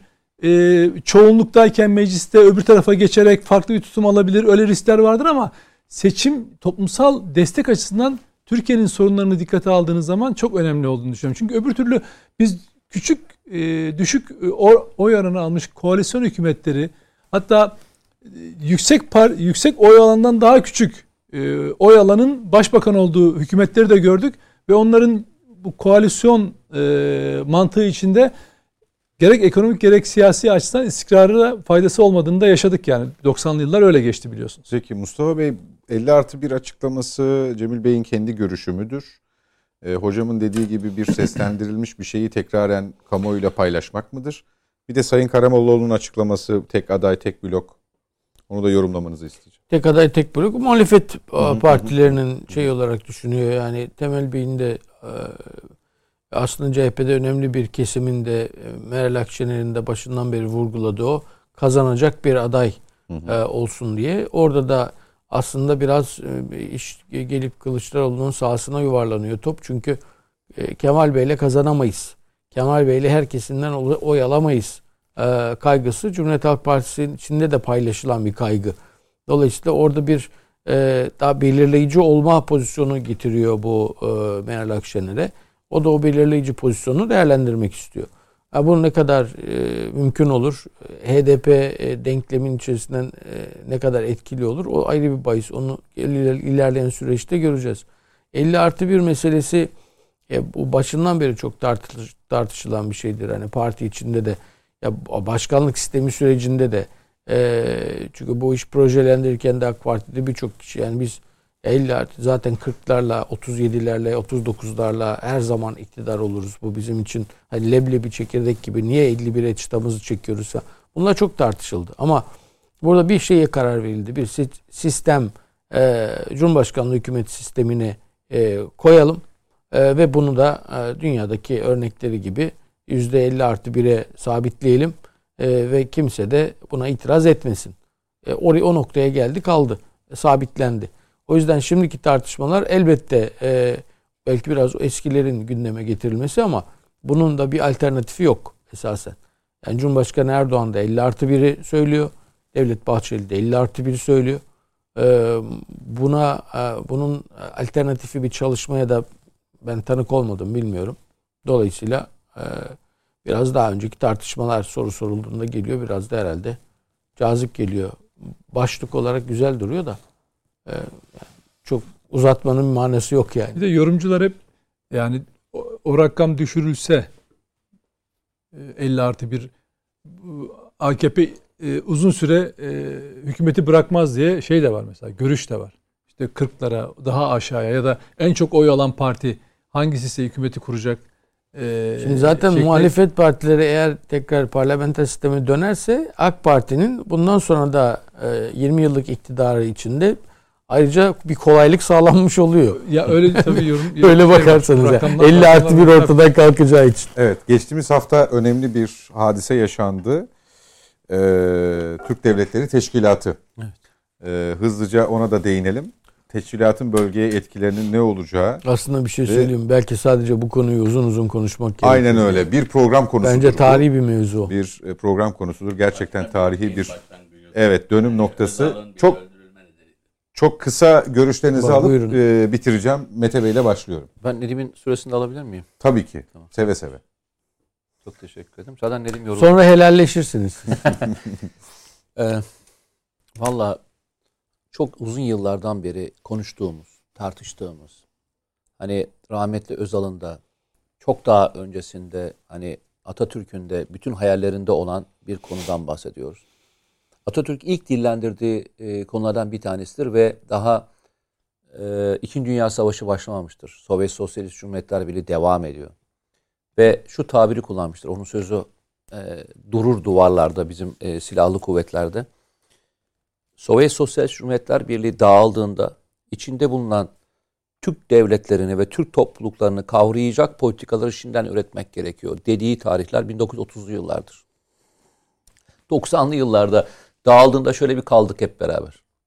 İşte Turgut Özal böyle abi kardeş gibi girmeye çalıştı. Ama sonuçta e, Rusya hem kültürel hem askeri hem istihbarat anlamında dağılmış olsa bile onları e, bu toplumun dışına çıkmasına çok da fazla müsaade etmedi. Nüfuz alanını e, değiştirmedi. Adı Rusya'da olsa değişmedi. Değişik isimlerle bir blok haline tutmaya çalıştı.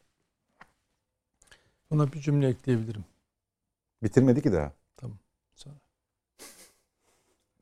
Evet. Hızlanalım biraz. Ee, bugün hani gelinen nokta o gün söylemlerinin bir üst noktasına doğru gelmiş durumdayız. Çünkü artık yalnızca şöyle olaylar yaşanmıyor farkındaysanız. O inkar ve çoğunlukla söylenmeyen sözler de alfa, alfabeler değişiyor. Latin alfabesine dönüyorsunuz. Ee, ilk söylemler o Türk ifadesini hatırlarsanız bu e, konseyin ilk ismi neydi hatırlıyor musunuz ilk kurulduğunda? Türkçe, Türkçe konuşan, konuşan teşkilatı. ülkelerde. Şimdi Türk konseyi haline geldi. Türk Hatta konseyi oldu. Şimdi, Şimdi Türk İşbirliği devlet Teşkilatı. teşkilatı oldu. Türk Evet. Devletleri Teşkilatı Ha, oldu. Türk devletleri. e, Türk devletleri teşkilatı oldu. Hatta çok ilginçtir. Yani Macaristan ben de Türk'üm diyerek e, geliyor. Ben zaten Avrupa'dan farklıyım. Beni aşağılamışlardı. Ben Türk olduğum için. Hani beni şu isimlerle nitelendirmişlerdi. O geçmişte hani bir söylem vardı ya Turgut Özal'ın en çok sevdiğim laflarından. Turgut Özal söylemişti değil mi onu? Balkanlardan başlayın ta Çin'e kadar gidene kadar Türkçe konuşarak devam edebilirsiniz demiş. Hatırlıyor musun? Ya Halil o şeyde tarihçi. ama, on, Halil İnalcı'nın tespiti. ama Türkçe'yi de söylemişti galiba. Turgut Özal siyasetten mi söylemişti? Halil İnalcı. Halil İnalcık mı Evet. söylemişti? Peki düzelttim. Belki ondan alıntılamıştır. Evet. Halil İnalcı. Halil, Halil İnalcık dediyse tamam doğru söylemiştir. Rahmetlinin hakkında. Ee, bu o kadar doğru bir tespit ki ilk defa bunun şu anda resmi yolunu görüyoruz. Bu muhtemelen bu hızla giderse çünkü kararlardan bir tanesi şöyle diyor ki e, başka devletlerin içinde yer alan Türk topluluklarını da buna dahil etmek istiyoruz diyor. Çünkü biliyorsunuz Rusya'nın içinde de bazı topluluklar var. Muhtemelen Kuzey Kıbrıs Türk Cumhuriyeti'nin tanınmasına da yol açacak olan bir süreci de kapsayacak. Ve en son gelinen nokta şu. Evet biz hep beraberiz diyebileceğimiz belki Avrupa Birliği'ne benzer ticari, siyasi ve askeri e, bir birlikteliğe doğru hızla gideceğiz gibi gözüküyor. Sadece eklemeni yapmanı istiyorum. Ee, şey 91 yılı yani şey e, hani soğuk savaş mi? dönemi bittikten sonraki süreçte etkili olan Rusya'nın gücü değildi. Amerika Birleşik Devletleri üzerinden Fethullahçı terör örgütünün gücüydü. Tür- Türk Cumhuriyetleri üzerinde olan. Çünkü daha biz büyükelçilik konsolosluklar açmadan oralarda CIA'nin görevlendirmesiyle şey yaptı. E, orada okullar açtı. Hatta MİT Müsteşar e, İstanbul Bölge Başkanı Nuri Gündeş'in kitabında vardı. Daha o yıllarda CIA elemanlarının o okullarda görev yaptığını ve bütün ilişkileri Fethullahçı terör örgütü Amerika ile beraber zehirledi. Kırgızistan, Özbekistan, Türkmenistan, Azerbaycan. Azerbaycan'a darbe yapmaya kalktılar. Özbekistan'da suikast yapmaya kalktılar. Bunu FETÖ'cüler yaptılar. O gün devlet de biliyor. Azerbaycan'daki darbeyi rahmetli Demirel Aliyev'e haber vererek ülkene dön hemen diye e, önledi. Düşünebiliyor musunuz? Ve Fethullahçı terör örgütü 15 Temmuz'dan itibaren o bu yüzü görüldükten itibaren görüldükten sonra Türkiye'nin girişimleriyle bölgede yavaş yavaş arınmaya, arındırılmaya başlandı, temizlenmeye başlandı. İşte Kırgızistan gibi hani onların Alamut Kalesi dedi- Kalesi dediğimiz yerde örgüt çökertildi neredeyse şey e, imamının teslim edilmesi bağlamında. Ondan sonra bu ilişkiler bu noktaya gelebildi. Yani Peki. Türkler bir dayanışma noktasına e, bir işbirliği haline e, dönüşebildi dayanışması. Teşekkür ediyorum efendim. Masum Bey bir buçuk dakika. Yani konunun hakikaten ayrı neden görüşülmesini düşünüyorum. Türkiye'de bu bilince gelmemiş çok kişi var. Ben milletvekili olmadan evvel mesela bu Türkü Cumhuriyetleri kapsayan ama Sovyetler Birliği'nin etkisinde Ama kalmamak çok için kızıyorlar. Türkiye Cumhuriyetlere çok kızıyorlar. Türk Cumhuriyeti. Tabii yani o, o Türkü Cumhuriyetlerdi ya o zamanki adı. Ee, dünyadaki bu Avrasya adı altında muhasebe örgütlerini örgütleyelim diye çıkartmıştım. Ben milletvekili olduktan sonra bıraktım kimse ilgilenmedi. Niye? Çünkü kimsenin ufku, kimsenin öngörüsü özellikle bu konuda nedense batıya açık doğuda Doğuda olan kapalı. kardeşlerimize kapalı ve ben o- hala onun mücadelesini hep yaparım. Yani Güney'e de kapalı ilgili ilgili olduğumda sporda ayrı bir federasyon kurmalıyız. Nasıl UEFA Avrupa Federasyonu ise burada ayrı bir federasyon olmalı. Şu- Bu bu çok önemli ve bu yapılan toplantı bugüne kadar 7 8. yapılıyor. Çok güzel bir tarafı var. O tarafı da şu hani e, bir zaman İslam ülkeleri D7 20 mi dini kurulmuştu ya böyle alayla havalayla farklı tanıtılmıştı. D8. Buradaki bu tanıtım biraz low profil çiziyor tahrik etmeden ve o e, Turgut Özal'ın o tarihte işte yaparız dediği o olaylar gibi başkasını da tahrik etmemiş. Yani bunun üzerinde inşa etmek bu konuda da başta siz olmak üzere televizyoncuların çok önemli rolü olacak. Neden? Çünkü bu fikriyatın, bu altyapının oluşturulması gerekir. Mesela ben bu yapılırken e, kontrol ettim, yanlış mı hatırlıyorum? Bugün alfabeye geçişimizi, Latin alfabesine geçişimizi sağlayan Mustafa Necati'dir. Ve o zaman Adalet Bakanı iken Atatürk'e söyleyince ertesi gün hemen onu Milli Eğitim Bakanı yapıyor. Yani buradaki özellik şu. Acaba böyle bir şey Türkiye'nin yeniden gelecekteki öngörülü inşaatı olabilir mi? Bu sizin söylediğiniz o Atatürk'ün yazdığı asker, e, silahlı kuvvetteki yazı yanında ikinci bir şey de unutmayalım. Satın aldığı İran'daki toprağın bugün bizim koridor geçişimizi sağlaması gibi. Aynen Peki. öyle. Son bir buçuk sizin efendim. Ee, var- tarihi bir isim değişikliği. Kuruluşu eski 2006'ya dayanıyor ama e, şimdi e, isim bu isim değişikliği bir tırnak içinde bugüne kadar Türk Birliği, Turan filan bir sürü şey söylendi. Bu o değil. Bu e, o kadar dar bir alan değil. Bunun içerisinde sizin bahsettiğinizin e, bu işte muhasebeciler birliğinin Mühendisler, Mühendisler Birliği. Birliği. Bunların hepsi içerisinde var. Çünkü Çin'den e, Avrupa'ya kadar olan bütün gümrük, ulaşım, yasal ve mevzuat bütün bunların uyumlandırılmasını öngörüyor. Yani siz buradan Kars'a gider gibi e, bir e, yükün kamyona, tıra, trene neyse yüklenip götürüldüğünü e, düşünebilirsiniz. Şimdi bu müthiş bir ticari güç. Ortasında bir enerji havzası var. Hazar. Bu Hazar'ın etrafındaki 5 ülkenin 3 tanesi e, şey e, sizin o birliğin üyesi. Öbür taraftan diyor ki mesela e, o 2040 vizyonu var bir de bunun içerisinde. Orada da çok enteresan e, ve önemli bir cümle var. E, mealen söylüyorum. Bu bir tedarikçi, enerji tedarikçisi, kaynak ve tüketicisi ilişkisi değildir. Enerji bağlamında da diğer mal ve hizmetlerin e, taşınması bağlamında da bu bütün o kimin eksiği kimin fazlası bunları birleştirecek, bütünleştirecek bir e, stratejik işbirliğidir. Şimdi bir tarafıyla da uzay ajanslarının eşgüdümlendirilmesinden bahsediyor. Neden? Çünkü Kazakistan'da Baykonur uzay üssü var. Yani Sovyetler Birliği'nin uzay programının yürütüldüğü yer var. E Türkiye'nin de başladığı bir proje var. Biz burada birisi başlayıp kendi kendine büyümeye odaklanmak yerine birlikte bunları yürütelim var. Dijitalleşmenin ortaklaştırılması var. Bunların her birinin üreteceği milyarlarca dolarlık bir ekonomi var. Sırf yani e, 5G e, ekosistemi olarak düşünün. Bırakın onu sırf işte e, kablo döşemesine bile düş, e, şey yap takılsanız orada bile milyar dolarlık bir ekonomi var. Bu kendi içinden önecek. Bir unsuru daha önemseyerek altını çiziyorum. Sizin bahsettiğiniz de futbol, UEFA filan benzeri gibi bütün ülkelere bir refah sağlamanın yanında, bütün ülkeleri gü- güçlendirmenin yanında kendi başına da organizasyon olarak önemli bir organizasyon, bir güç elde etmesi. Bir pakt olarak değil, bir ekonomik ve doğal olarak siyasi güç elde etmesi ve aslına bakarsanız bunun bugün bu adının değiştirilmesinde de e, Cumhurbaşkanı Erdoğan'ın Türkiye'sinde e, bu Türkiye'nin üstlendiği liderlik pozisyonu var. Peki. Bu olmasaydı mesela Azer, Azerbaycan Devlet Başkanı e, İlham Aliyev e, o konuşmayı yapmazdı. Erdoğan'a hepimizin minnet borcu var diyor. Bizim var demiyor. Karabağ'a bağlamıyor mevzuyu sadece.